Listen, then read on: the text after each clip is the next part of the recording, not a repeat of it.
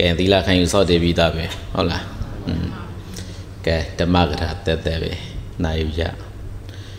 ဒီနေ့စေဘူးနိုင်ငံ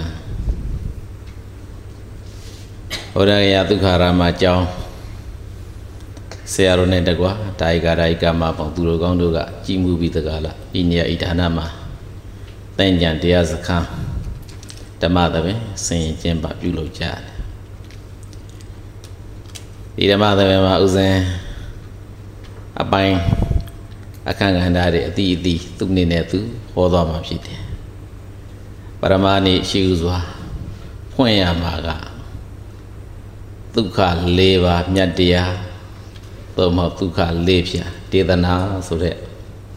ဒီကောင်းစဉ်နဲ့တရားတစ်ပုဒ်ဟောကြားခဲ့ပါမယ်လောကသဘောအားဖြင့် မိဆိုတာပူတတ်တဲ့အရာ ဖြစ်သည့်အတွက်ကြောင့်မိကိုကြည့်ရင်ပူတယ်ရေကိုကြည့်ရင်အေးတယ်ထို့အတူပဲ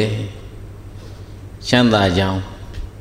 တရားတွေကိုကြားနာရတဲ့အခါမှာတတ္တဝါတွေဟာစိတ်ငြင်းရှမ်းတယ်ရှမ်းသာကြတယ်ဆင်းရဲဒုက္ခရောက်ကြောင်းအကြောင်းအရာကိုကြားလာရတဲ့အခါမှာတတ္တဝါတွေရဲ့စိတ်နှလုံးဟောရဆင်းရဲတယ်ပူပန်ဒုက္ခရောက်ကြတယ်ဒါကြောင့် ဒီသင်္ညာတရားစခန်းဓမ္မသဘင်မှာဥဇဉ်ရဲ့ဓမ္မကထာကိုရှိဥစွာဒုက္ခ၄ပါးမြတ်တရားသို့မဟုတ်ဒုက္ခလေးဖြာဒေသနာဆိုတဲ့အကောင်းစီနဲ့ပတ်သက်ပြီးတော့ဟောကြားခဲ့ပါမယ်အဲ့ဒီဒုက္ခလေးဖြာဒေသနာတရားတွေကိုမောကြမနာကြမရှိဥစွာဓမ္မပင်ရှင်ဖြစ်တော်မူသောဘုရားရှင်ကိုရောမြတ်ကိုကုံတော်ထုံမွားကုံတော်မှန်းပြီးတော့ရှိကိုကတို့လိုက်ကြရအောင် ယောဇီနောနေကဇာတိယံသာဗုဒ္ဓဒါရမေကဇီဝိတံပိဘောဓိဘေမတောအလေကမာနသောအတ္တတိယေဝအတ္တိကသာ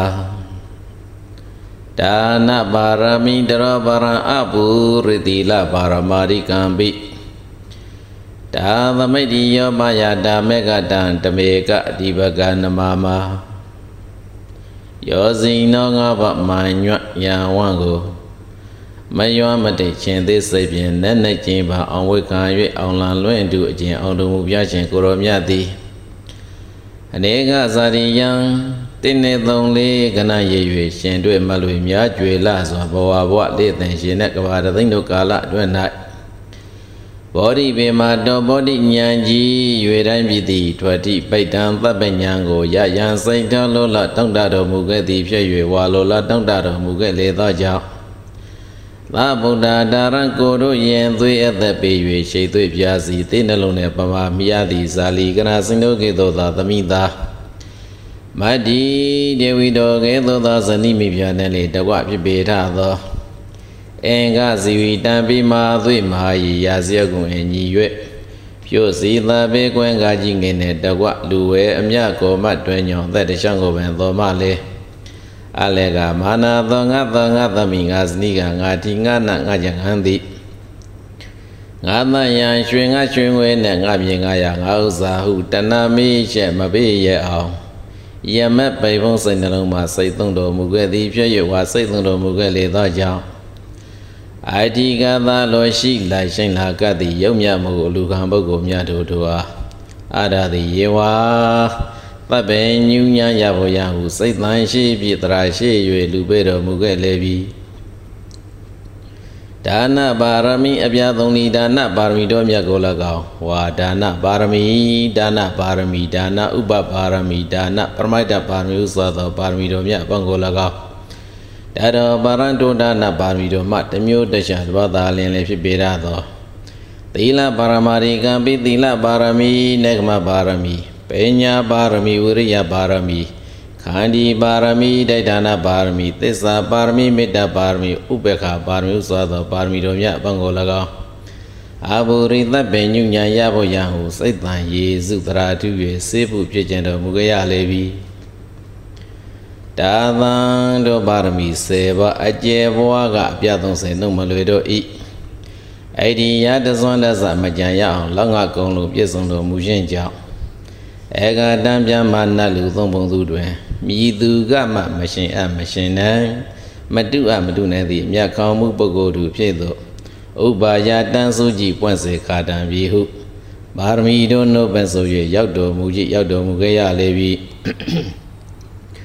ဧကတိပကသမထင်ကမမြတ်ပဲသန္တရာတကြွတမျိုးတည်းမျိုးကေပါရတဲ့လူရောနတ်ပါဗျာမမကျွင်းတတ္တဝကမန်တို့ဤဝဇင်အတ္တမိကိုရာတခုတည်သောကံကြွန်ကြီးတဝဲလည်းဖြစ်ပေတတ်သောတန်စီနာငါးပါးမာညွတ်ရန်ဝံကိုမယွမတဲ့ရှင်သိစိတ်ဖြင့်နဲနဲကျင်ပန်းအောင်ဝေခံ၍အောင်လန်လွင်တူတူအောင်တော်မူပြရှင်ကိုရောမြတ်ကိုမယံ တရားဟောပုဂ္ဂိုလ်တရားနာပုဂ္ဂိုလ်လို့ဆိုကြကုန်သောထိုထိုများစွာငါးခန္ဓာကို သူငါသမုတ်အကျွမ်းတို့သည် နမမကယဝစီမလို့ရှိ၍အဲဇလီညွတ်ကျွလက်စုံမော၍ရှိကိုဥညွတ်ကြပါကုန်၏မြတ်စွာဘုရားဧဒေနသစ္စာဝိဇေနဤသောနုတ်သာဘုဒ္ဓပြန်၍ဟောမှန်သောဝစီပရမသစ္စာစကားကိုပြောဆိုလျောက်တော်ပူဇော်ရပါလေသောကြောင့်သာတဝတရားရှိခင်စိတ်ကံဝင်ကြကုန်သော သင်္ဒါယကဒါဤကာမဘုံသူတော်ကောင်းတို့သည်သူဂိတဘေးရန်ကဲကွာကျမ်းမာချမ်းသာရှင်ရှိကြကုန်သည်ဘဝံတုမောရှမသွေဖြစ်ကြပါစေကောင်းသတည်း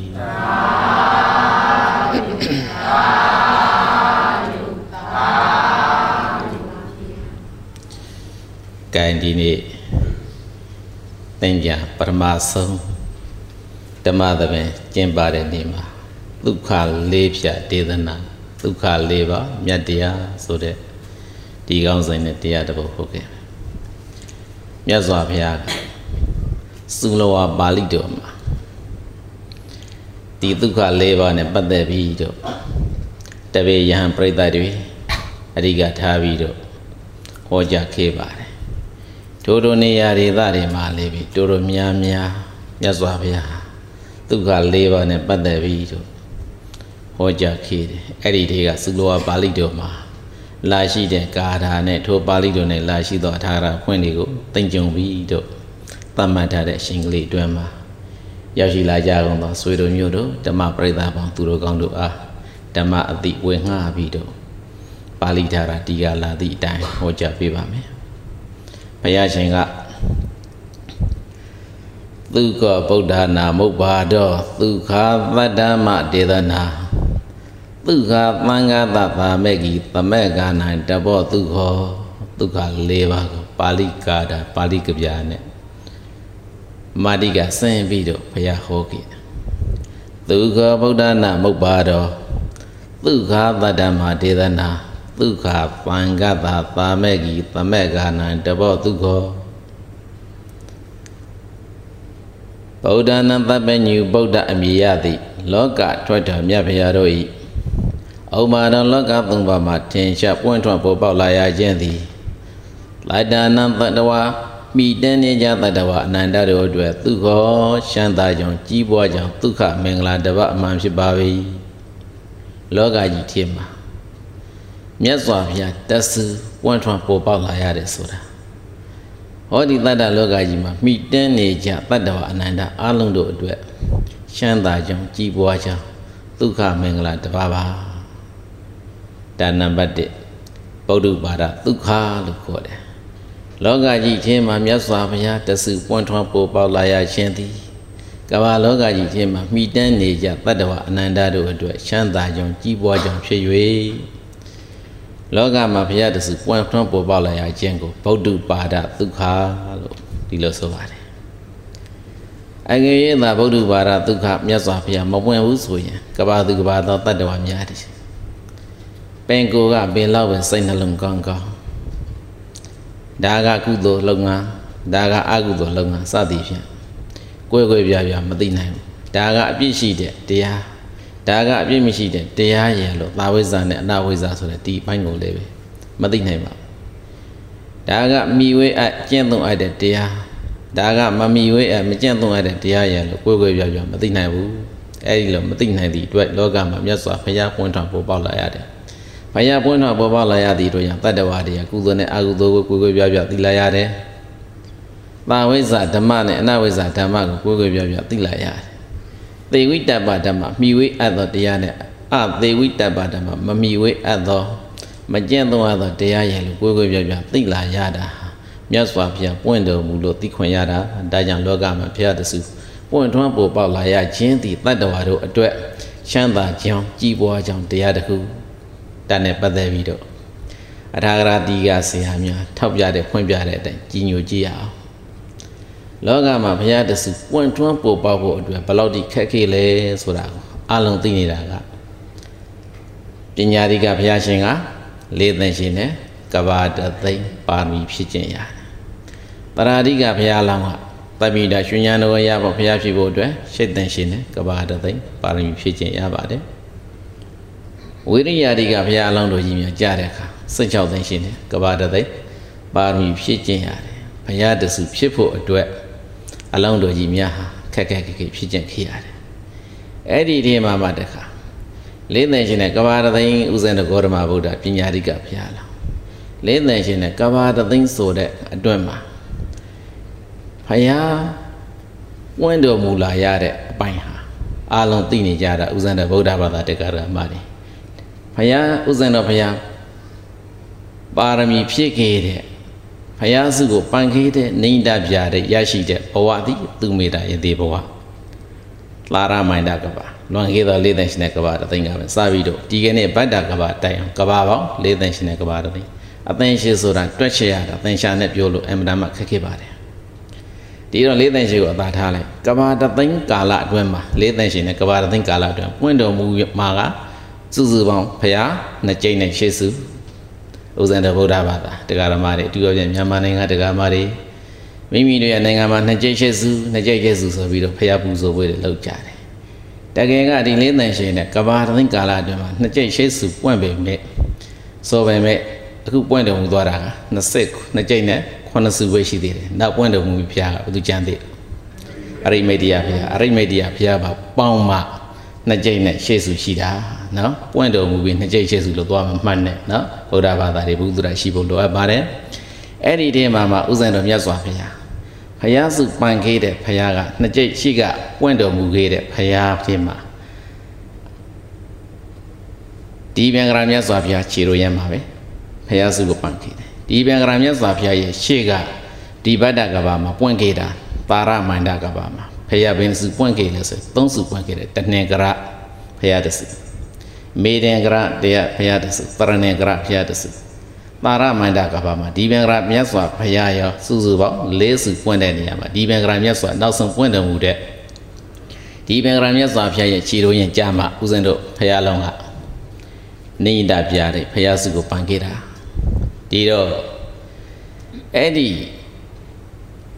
ဒီဘင်္ဂရာမြတ်စွာဘုရားပွင့်တော်မူတဲ့သာရမန္တကဘာမှာတဏ္ဍကရမေတ္တကရတရဏေကရဒီဘင်္ဂရာဆိုတဲ့ဘုရား၄စုကစပြီးတော့ဒီကနေ့ဥဇဏဂေါရမဗုဒ္ဓတိုင်အောင်ပွင့်တော်မူသွားတာစုစုပေါင်းနှစ်ကြိမ်နဲ့ခုနှစ်စုပဲရှိသေးတယ်။နောက်ပွင့်တော်မူလက်တအရိမေတ္တယဖယားပါပေါင်းမှစုစုပေါင်းဘယ်လောက်ရှိတော့နှစ်ကြိမ်ရှေ့စုအဲ့ဒီနှစ်ကြိမ်ရှေ့စုသောဖယားကိုလေးသန်ရှင်တဲ့ကဘာရသိန်းကာလအတွင်းမှာဖယားပေါင်းဘယ်လောက်ပွင့်နှစ်ကြိမ်နဲ့ရှေ့စုပဲပွင့်မယ်။ အဲ့ဒီခေတ်မှာလေးသန်ရှေ့ဆိုတာတွက်ချက်ရတဲ့အင်မတန်မှခက်တော့ကဘာတသိန်းကိုပဲ28နဲ့ပြန်စားကြည့်ပြန့်မြရှင်ကဘာပေါင်းဘယ်နှထောင်မှတစုပွင့်နိုင်လဲဆိုတာကိုပြန်တွေ့ကြည့်ပါကဘာပေါင်း3000ကျော်မှဖယားတစုပွင့်တယ်ဟိုဘက်ကလေးသိန်းရှင်မပါသေးဘူးเนาะကဘာတသိန်းကိုပဲနှစ်ကြိတ်ရှေ့စုနဲ့စားလိုက်လို့ရှိရင်ကဘာပေါင်း3000ကျော်မှဖယားတစုပွင့်ထွက်ပေါ်ပေါက်လာတာဥစဉ်တို့တက္ကရာမတွေဘလောက်ကံကောင်းလဲဆိုတာကြည့်เนาะ မိမိတို့ရရှိထားတဲ့လူဘဝဟာဘလောက်ခက်ခက်ခဲခဲရရှိလာတယ်။ဘုရားသာသနာနဲ့ကြုံကြိုက်ပြီးတော့ရရှိထားတဲ့လူဘဝရဲ့တန်ဖို့ကိုမမေ့ဖို့အတွက်ပြောတာနော်။ဒါတော့လေးတန်ရှင်နဲ့ကဘာတသိန်းမှာလေးတန်ရှင်ကိုသားလေးထားလိုက်ပါ။ကဘာတသိန်းကိုပဲဒီနှစ်ကြိတ်ရှေ့စုတော့ဘုရားရှင်တို့ရဲ့သင်္ကေတနဲ့နှစ်စိတ်ရှိနဲ့စားလိုက်လို့ရှိရင်ကဘာပေါင်း3000ကျော်မှသာလျှင်ဘုရားတစုပွင့်တွယ်လို့ပြန်ပြရှင်အပြင်ဒီလိုသတ်မှတ်လို့ရတယ်။ အဲ့ဒီကဘာပေါင်း3000ကျော်ကြာမှဖယားတစုပွင့်ထွက်ပေါ်ပေါက်လာတဲ့အခါမှာလေမိမိတို့ကိုယ်တိုင်ကဖယားသာသနာနဲ့ကြုံကြိုက်တဲ့လူဘဝကိုရမှ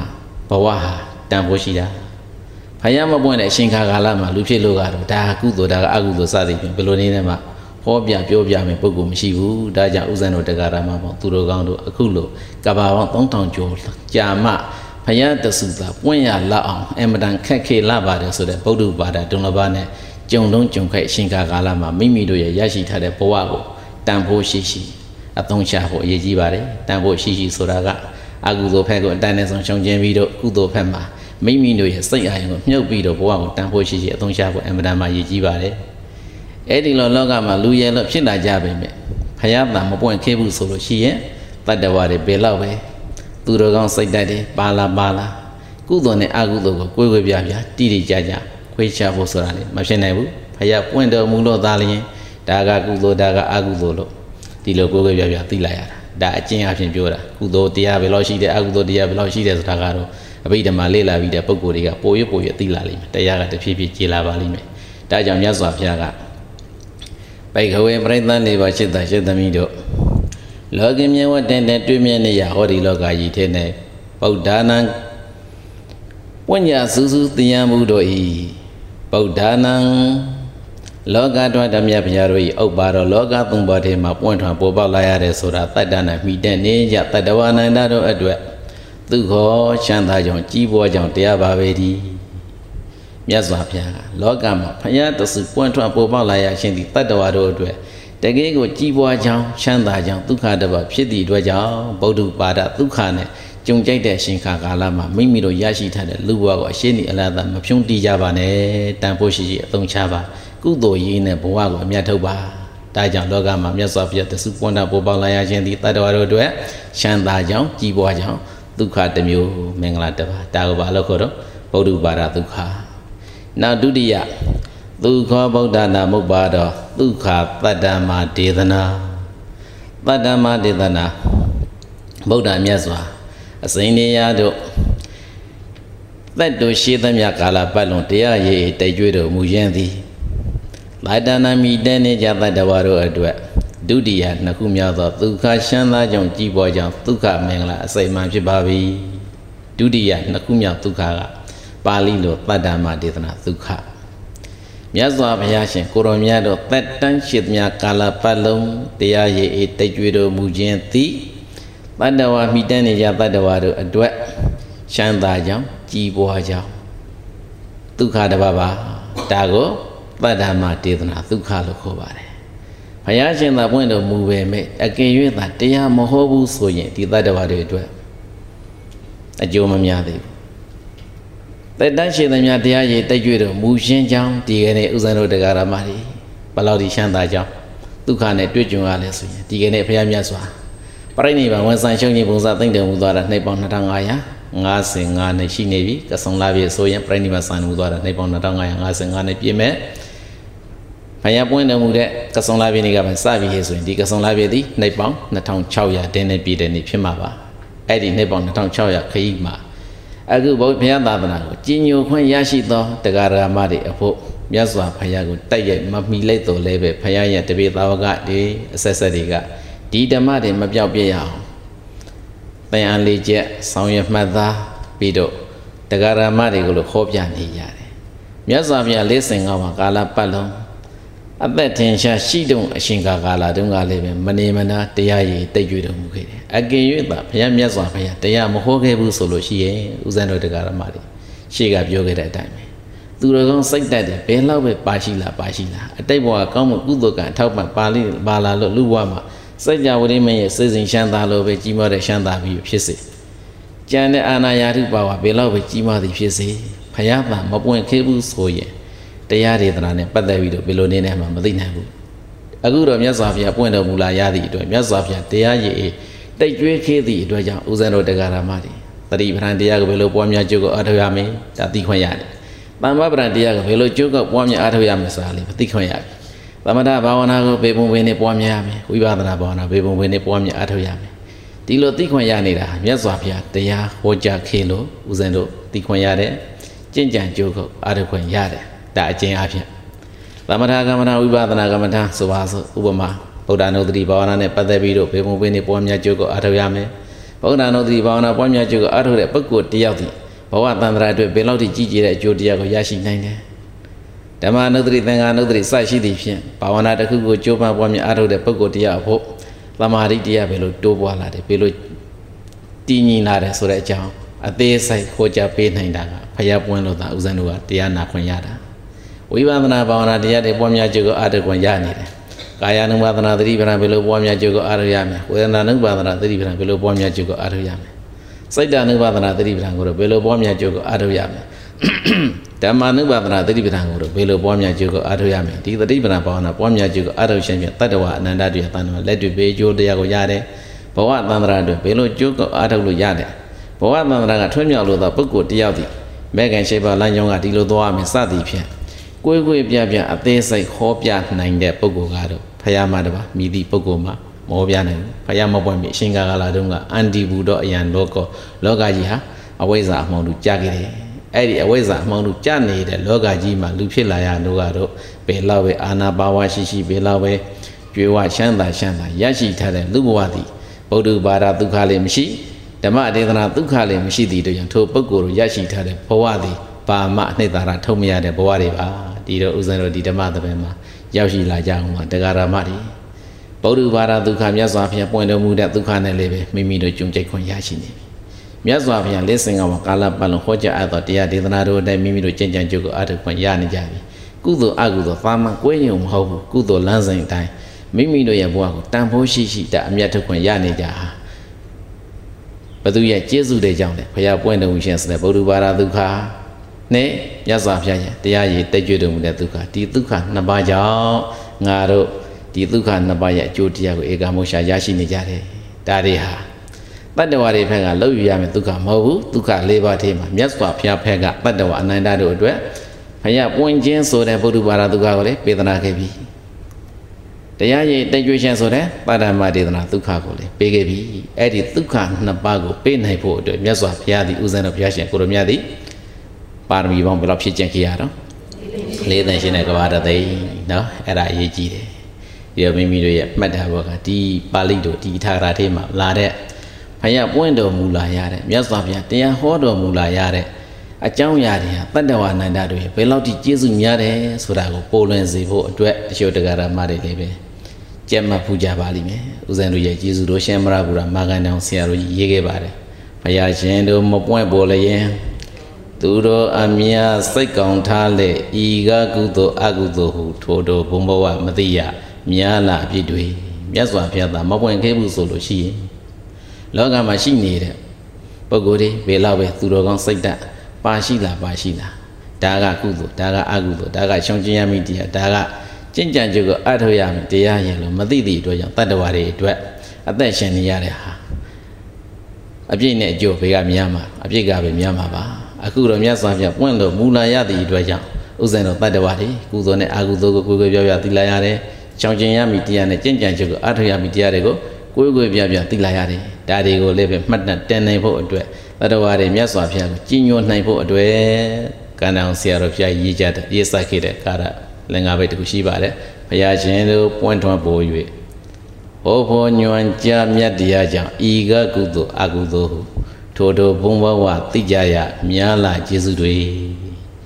ဗုဒ္ဓဘာသာဒုက္ခနဲ့တတ္တမဒေသနာဒုက္ခနှစ်ပါးသည်တတ္တဝါတို့အတွက်ချမ်းသာကြောင်းကြီးပွားကြောင်းတရားဖြစ်တယ်ဆိုတာကို အာလုံးပြိဿမှတ်မိအောင်သင်္ဃာဘိတ်နဲ့ကြီးညိုကြည့်လိုက်ရအောင်သိဆိုပါဖယားရှင်တော်ဖယားရှင်တော်မပွင့်ပေါ်လျင်မပွင့်ပေါ်လျင်လူတော်အမြလူတော်အမြစိတ်ကောင်းထားလေစိတ်ကောင်းထားလေဤကကုသိုလ်ဤကကုသိုလ်အကုသိုလ်ဟုအကုသိုလ်ဟုထိုထိုဘုံဘဝထိုထိုဘုံဘဝမတိယမတိယညာလာအပြစ်တွေညာလာအပြ စ်တွေဘုရားရှင်တို့ဘုရားရှင်တို့ဝင့်ထွန်းပေါ်၍ဝင့်ထွန်းပေါ်၍ဟောဖို့ညွန်ကြဟောဖို့ညွန်ကြမြတ်တရားကြောင့်မြတ်တရားကြောင့်ဤကကုသိုလ်ဤကကုသိုလ်အကုသိုလ်ဟုအကုသိုလ်ထိုထိုဘုံဘဝထိုထိုဘုံဘဝသိကြရာသိကြရာညာလာကျေးဇူးတွေညာလာကျေးဇူးတွေအဲဒါက ဗုဒ္ဓဘာသာဒုက္ခနဲ့တတ္တမဒေသနာဒုက္ခနှစ်ပါးပါဠိတော်ထားတာကိုကြည်ပြီးတော့ဆရာတော်ဘုရားကြီးရေးစာခေတာဒါကြောင့်ဘလောကေမြတ်ဝတင်တင်တွေ့မြင်နေရဟောဒီလောကကြီးထဲ၌ဗုဒ္ဓနာတပ္ပညုဗုဒ္ဓအမိယသည်လောကထွက်ထားမြတ်ဗျာတို့ဤဥပ္ပါတော်ပွင့်ထွန်းပေါ်ပါလာရတဲ့ဆိုတာတတ္တနာမိတက်နေကြတတ္တဝါနန္ဒတို့အတွက်သူပရမောရှိဥစွာသောဒုက္ခချမ်းသာကြောင့်ကြီးပွားကြောင့်ဒုက္ခမင်္ဂလာစိတ်မှဖြစ်ပါ၏ လာယနာမဒေသနာပွင့်တော်မူပြီးဖြစ်ကြကုန်သောရှင်တော်ဘုရားတို့တရားရည်တိတ်ကြွတော်မူခြင်းအားလည်းပဲတတ္တနာမိတတ်နေကြတတ္တဝါနန္တတို့အတွက်ဒုတိယနှစ်ခုမြောက်သောဒုက္ခချမ်းသာကြောင့်ကြီးပွားကြောင့်ဒုက္ခမင်္ဂလာစိတ်မှဖြစ်ပါ၏တရားမြတ်စွာဘုရားပွင့်ထွန်းပို့ပေါက်တော်မူလာရခြင်းသည်တတ္တဝါတို့အတွက်ချမ်းသာကြောင့်ကြီးပွားကြောင့်ဒုက္ခတစ်ခုဖြစ်ပါတယ်မြတ်စွာဘုရားတော်တရားရည်တိတ်ကြွတော်မူခြင်းဟာလည်းပဲတတ္တဝါတို့ချမ်းသာကြောင့်ကြီးပွားကြောင့် ဒုက္ခတစ်ပါးဖြစ်တယ်အဲ့ဒီဗုဒ္ဓဘာသာဒုက္ခနဲ့တတ္တမဒေသနာဒုက္ခနှစ်ပါးသည်ဥစဉ်တို့တပည့်တော်ကပုဂ္ဂိုလ်ဖက်ကဘာမှကြိုးစားစရာမလိုဘဲနဲ့အလိုအလျောက်မြတ်စွာဘုရားကပေးသနာတော်မူခဲ့တယ်ဒုက္ခနှစ်ပါးကြံတဲ့နှစ်ပါးကတော့ကိုယ်ကိုယ်တိုင်ကြိုးစားပြီးအားထုတ်မှတာလည်းရမယ်ဒုက္ခပါအေးတော့ဒီနေရာမှာနေနေလောက်ဥစဉ်ပြောချင်ပါသေးတယ်လေးသိရှင်တဲ့ကဘာရသိပါရမီဖြစ်ခဲ့တဲ့ဗုဒ္ဓဘာသာဒုက္ခတစ်ခုကြုံတွေ့ဖို့အတွက်ဘုရားဘက်က တတ္တဝါအလုံးတွေကိုဒီဒုက္ခကိုပေးဖို့အတွက်ဘယ်လောက်ထိကြိုးပမ်းခဲ့ရတာလဲငါဖျက်ရဲ့သာသနာကုကိုစိတ်ကအထုံနေကြကုန်သောတပိသာဝကပြိတ္တများဗုဒ္ဓဘာသာဒုက္ခကိုရရှိနိုင်စေဖို့အတွက်မြတ်စွာဘုရားဘယ်လောက်ကြိုးပမ်းခဲ့ရသလဲဆိုရင်ဒီဓမ္မသဘင်မှာတော့ပြိတ္တများတယ်အရင်ကျောင်းမှာတော့ငါတို့ဥစဉ်ဟောဖို့တယ်လို့ထင်ပါတယ်နော်စိတ်နာလင်္ကာရတီကမှာလာတဲ့အခွင့်ကာထာတပုတ်နဲ့ကြီးညိုကြည့်ပါသောတာကရေဇလတိကရုတိရာမရာတိ ဘူမိပရာဇိယသမန္တမရာတိဒါနာမေရုပမာဏမရိကံသမောလိတိတံခေတာရဂတိကတရဏေနမရာတိရသော်ဘုရားကပရိသတ်လေးပါရှေ့သက်ရှေ့သက်မိတော့မှတ်တမိမနေကြနဲ့ငါဘုရားသာသနာနဲ့ကျုံလုံးကျုံခိုက်ဗုဒ္ဓဘာသာဒုက္ခကိုရတော့ရခဲ့ရှင်ကာကာလမှာမိမိတို့ရရှိထားတဲ့လူဘဝကိုတန်ဖိုးရှိရှိအသုံးချပါ ငါဘုရားပွင့်တော်မူတဲ့ဗုဒ္ဓဘာသာဒုက္ခနဲ့ကြုံကြိုက်တဲ့အရှင်ခါကာလမှာတနေ့တည်းတဏ္ဍာနဲ့မြတ်အသက်ရှင်ရခြင်းသည်ဗုဒ္ဓဘာသာဒုက္ခမရှိသောဘဝမှာလူမင်းတို့ရဲ့စေစဉ်ရှမ်းသာနာမင်းတို့ရဲ့စေစဉ်ရှမ်းသာကရေပေါင်းရာပေါင်းထောင်ပေါင်းများစွာရရှိကြတဲ့ပို၍ကျေးဇူးများပါတယ်ငါဘုရားကိုယ်တိုင်ကလည်းပဲရှိတ်သက်ရှိသမီးတို့အတွက်ဗုဒ္ဓဘာသာဒုက္ခကိုပေးသနာဖို့အတွက်ငါဘုရားသည်တာမန်ရိုးရိုးရလာတာမဟုတ်ဘူး လေတန်ရှင်တဲ့ကဘာရသိကာလအတွက်မှာဤမြလောက်ခက်ခဲတဲ့ပါရမီတို့တွေစာကဂုံတို့တွေစရိယဂုံတို့တွေကိုမရရအောင်ငါဘုရားကြိုးစားခဲ့ရတယ်ကာရတဘုတ်နဲ့သတိပေးခဲ့ပါတယ်သောတာကရေဇလတိကာရုတိရာမရာတိဘူမိပရာဇိယသမန္တမရာတိဒါနာမေရုပမာဏမရိကံသမောလေတိတံခေတာရဂတိကတရဏေနမရာတိသောစိဏစိဏတွင်မြငါဖျားရှင်ကိုရောမြတ်သည် သာဂရေသမုဒ္ဒရာလေးဆိုင်မြေပင်လေးအတွက်နဲ့ဇလတိကရေကြီးရေပေါမကပိုလျံများပြားလာစွာထသောရုဒိရံပရမယအသွေဏီတွေ့တွေ့လာသွေးတော်မြတ်လူဒါနကိုအရာတိတပ်ပင်ညုံညံ့ရဖို့ရန်ကိုစိတ်တန်ရှိပြီးတရာရှိ၍လူပေတော်မူခဲ့ရလေပြီပရိသတ်လေးပါရှိတာရှိသမိတို့ဗုဒ္ဓဘာသာဒုက္ခဆိုတဲ့ဒီဒုက္ခတစ်ပါးကိုမိတဲနေကြတတ္တဝအနန္တတွေလက်ထဲမှာအနှံ့နိုင်ဖို့အတွက်ငါဘုရားသည်ဘယ်လောက် ဖြစ်ကျက်ခရရသလဲဆိုတာအာယုံပြုပြီးတော့နာကြည့်ပါတဲ့ငါဘုရားသည်လက်သက်ရှင်တဲ့ကဘာရသိကာလအတွင်းမှာဖယားပြည်ပေါ်တဲ့ဗုဒ္ဓဘာသာဒုက္ခကိုတတ္တဝအနန္တတွေရဲ့လက်ထဲမှာအနှံ့နိုင်ဖို့အတွက်တိုက်မိတာရွှေဉာဏ်တော်ရရရကြောင့်ကောင်းမြတ်သောကျင့်တော်ပြိပကိုကြင်ကြံကြွကအထုတော်မူတဲ့အချိန်မှာပါရမီ7ပါး စွန့်ရှင်းကြည့်၅ပါးစရိယ၃ပါးဆိုတဲ့ဒီတရားတွေကိုဖြည့်ကျင့်ခေရတယ်အဲ့ဒီထဲမှာပါရမီ7ပါးတွေကဒါနပါရမီတစ်ခုတည်းနဲ့ပတ်သက်ပြီးတော့ပဲကြီးညိုကြည့်ပါဦးဘုရားရှင်ကသောဇိနာဇိနာတွင်မြင်ငါဖျားရှင်ကိုရောမြတ်သည်ဘာဂရေသမုဒ္ဒရာတိဇံမြိတ်ပင်လေးအတွက်နဲ့ဇလတိကရေကြီးရေပေါမကပိုလျံမြတ်ပြလှစွာထသောရူဒီရံပရမယအသွေညီတွဲထွေလာသွေတော်မြတ်လူဒါနကိုအရာတိတပ်ပင်ညုံညံ့ရဖို့ရန်ကိုစိတ်တန်ရှိပြီးတရာရှိ၍လူပေတော်မူခဲ့ရလေပြီ တပ်မိတာရွှေညံတို့ကိုရဖို့တွင်ငါဘုရားဒါနပါရမီကိုဖြစ်ကျင့်တဲ့နေရာမှာလေးတန်ရှင်တဲ့ကဘာရသိန်းကာလအတွင်းမှာရည်တွက်မရသောဘဝပေါင်းများစွာတို့၌ငါဘုရားရဲ့ခန္ဓာကိုယ်မှသွေးတွေကိုအလိုရှိလို့အလှခံပုဂ္ဂိုလ်များရောက်လာတဲ့အခါမှာတဲ့။ဩဒီခန္ဓာကိုယ်မှာသွေးတွေကိုဖောက်ထုတ်ပြီးတော့လှူခင်းရတဲ့ဘဝတွေဟာသင်္ရှာအားဖြင့်ပြောပြလို့မရတော့ပါဘူး။ ခန္ဓာကိုယ်မှာဖောက်ထုတ်ပြီးတော့လှူခင်းရတဲ့သွေးတွေကိုတဏှာထဲမှာမြန်စုပုံထားလိုက်မယ်ဆိုလို့ရှိရင်သမုဒ္ဒရာထဲမှာရှိနေတဲ့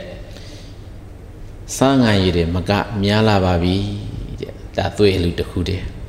ဘူမိပရာဇိယသမန္တမရာတိဒါနာဘူမိယူဇနာကိန်းနသိမ့်နေသောဒုရှိသောမာဝရီမြေကြီးကိုပရာဇိယရှင်စေနှုံးစေရှင်ပစေဟေသမန္တဒါနာ အသာတော်ဒီဟုသာလူဒါနကိုလည်းပဲအတာသည်တပ်ပဲညူညံ့ရဖို့ရန်ကိုစိတ်တန်ရှိပြီးတရာရှိ၍လူပဲတော်မူခဲ့လေပြီလေသင်ရှင်တဲ့ကဘာရသိကာလအတွင်းတိုင်မီတာရှင်ညာတို့ကိုရရှိဖို့အတွက်ပါရမီတို့ဖြစ်ကျင့်တော်မူတဲ့ကာလထဲမှာငါဘုရားရဲ့အလောင်းတို့ရဲ့ခန္ဓာကိုယ်မှာအတ္တုအသဆိုင်ကိုလို့ရှိလို့အတူကပုဂ္ဂိုလ်ရောက်ရှိလာတဲ့အခါမှာလေဟောဒီအတ္တုအသဆိုင်ကိုလူတန်းခဲ့တဲ့ဘဝကလည်းပဲရေတွက်မရအနန္တပါ တဏှာလေးမှာများလူတန်းခဲ့တဲ့အတ္တုအသဆိုင်ကိုစုပုံထားလိုက်မယ်ဆိုလို့ရှိရင်မဟာပရိမြေကြီးမကများခဲ့ပါပြီဒါပဲလားဆိုတော့မဟုတ်သေးဘူးမေရုပမာဏအမေရိကန်သမောလိတိတာမေရုပမာဏအမေရိကန်မြဲမိုးတောင်းမကမြဲမောက်လာစွာထားသောသမောလိတိတာ မကိတ်တို့နဲ့တကွာဥကုံတို့ဒီဟုသောလူဒါနကိုလည်းပဲအရာတိတပ်ပဲညူညံ့ရဖို့ရန်ကိုစိတ်တန်ရှိပြီတရာရှိ၍လူပဲတော်မူခဲ့လေပြီခန္ဓာကမအသတုအသဆိုင်ကိုသာလူခဲ့တာမဟုတ်သေးဘူးတဲ့ငါဘုရားရဲ့ဥကုံတို့ထင်မှာအစိတ်ပိုင်းနာနာခေါင်းလေချောင်းအစရှိသည်ပေါ့အဲ့ဒီလိုဥကုံတို့ထဲမှာရှိနေတဲ့အစိတ်ပိုင်းသောအင်္ဂါရတွေကိုအလိုရှိလို့အလှခံပုဂ္ဂိုလ်များရောက်ရှိတဲ့ လာအခါမှာလေးပဲအဲ့ဒီဥကုံတို့အစိတ်ပိုင်းတွေကိုလှူတန်းခေးတာကဘဝပေါင်းရည်တွက်မရသင်္ရှာအပြင်ပြလို့မရပါဘူးတဏှာရေးမှာမြအဲ့ဒီလိုဥကုံအစိတ်ပိုင်းတွေကိုစုပုံပြီးထားလိုက်ပြီဆိုလို့ရှိရင်တဲ့ယူဇနာပေါင်း2သိန်း4သောင်းအဲမျက်မှောက်တောင်မကမျက်မှောက်လောက်ပါပြီတဲ့ဥကောင်းတို့နဲ့ပတ်သက်ပြီးတော့လှူဒန်းခေတာနောက်ဆုံးမျက်လုံးတို့နဲ့ပတ်သက်ပြီးတော့မြတ်စွာဘုရားမိန့်ကြတော်မူတာက ခေတရဂတိကတရဏေနမရာတိခေအစရာကင်ထက်ကုန်ခဲ၌တာရဂတိကာရဏခကြည်တာယမကပုံလျံများပြလာစွာထားသောနယနာပတုံယောင်ကေသို့ညိုမောင်းနေရှင်လာပါတဲ့စတိုင်မျက်လုံးတို့တည်ဟူသောလူဒါနကိုလည်းပဲအရာတိသဗ္ဗညုံညံ့ရဖို့ရန်ကိုစိတ်တန်ရှိပြီတရာရှိပြီလူပဲတော်မူခဲ့ရလေပြီနောက်ဆုံးဒေသရှင်တဲ့ကဘာရသိင်္ကာလပတ်လုံးကျင်နေခဲ့ရသောဘဝတန္တရာထင်းမှာ မြဲလုံးနှစ်ဖက်အလည်းမရလို့မြဲလုံးကိုအလူခံဖို့အလူခံပုဂ္ဂိုလ်ရောက်ရှိတဲ့အခါကာလမှလည်းပဲအဲ့ဒီမျက်စိနှစ်ကွန်းကိုထုတ်ပြီးတော့လှူဒန်းခဲ့တဲ့ဘဝကလည်းပဲတန်ရှာအပြင်တိတိကျကျမပြနိုင်လှူဒန်းခဲ့တဲ့မျက်လုံးတွေကိုတဏှာမှာများစုပုံထားလိုက်ပြီဟေဆိုလျင်ကောင်းကံပြင်မှာရှိနေတဲ့နက်ခတ်ကြီးတာရမကများခဲ့ပါပြီတဲ့ဒါဒါနပါရမီနဲ့ပတ်သက်ပြီးတော့ဘုရားရှင်ဖြစ်ကျင့်တော်မူခဲ့တာကျမ်းတဲ့သီလပါရမီလက်ခမပါရမီ ပညာပါရမီဝိရိယပါရမီခန္တီပါရမီဒိဋ္ဌာနာပါရမီသစ္စာပါရမီမေတ္တာပါရမီဥပေက္ခပါရမီလို့ဆိုတဲ့ပါရမီတို့ဂုဏ်တို့ကိုလည်းပဲတာမန်ဖြစ်ကျင့်ခဲ့တာမဟုတ်ဘူး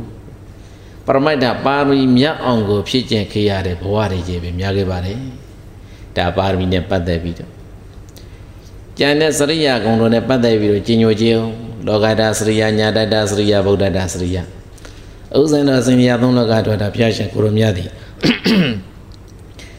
ဥဇ္ဇင်တော်တက္ကရာမပေါင်းသူတော်ကောင်းတို့တဲ့ဗုဒ္ဓဘာသာဒုက္ခဆိုတဲ့ဒီဒုက္ခမင်္ဂလာတစ်ခုကိုအနှမ်းနိုင်ဖို့အတွက်လေတန်ရှင်တဲ့ကဘာသိင်ကာလအတွင်းမှာစရိယာသုံးပါးဖြစ်ခြင်းခဲ့တယ်ကဘာသူကဘာသာတတ္တဝအလုံးတို့ချမ်းသာဒုက္ခရရှိစေဖို့အတွက်လေကြင်ကြံကြိုးကိုအထုတ်ခဲ့တယ်ဒါလောကတာစရိယာလို့ခေါ်တယ်နောက်ညာတတ္တစရိယာမိမိတို့ရဲ့ဆွေတို့မျိုးတို့အပေါင်းတို့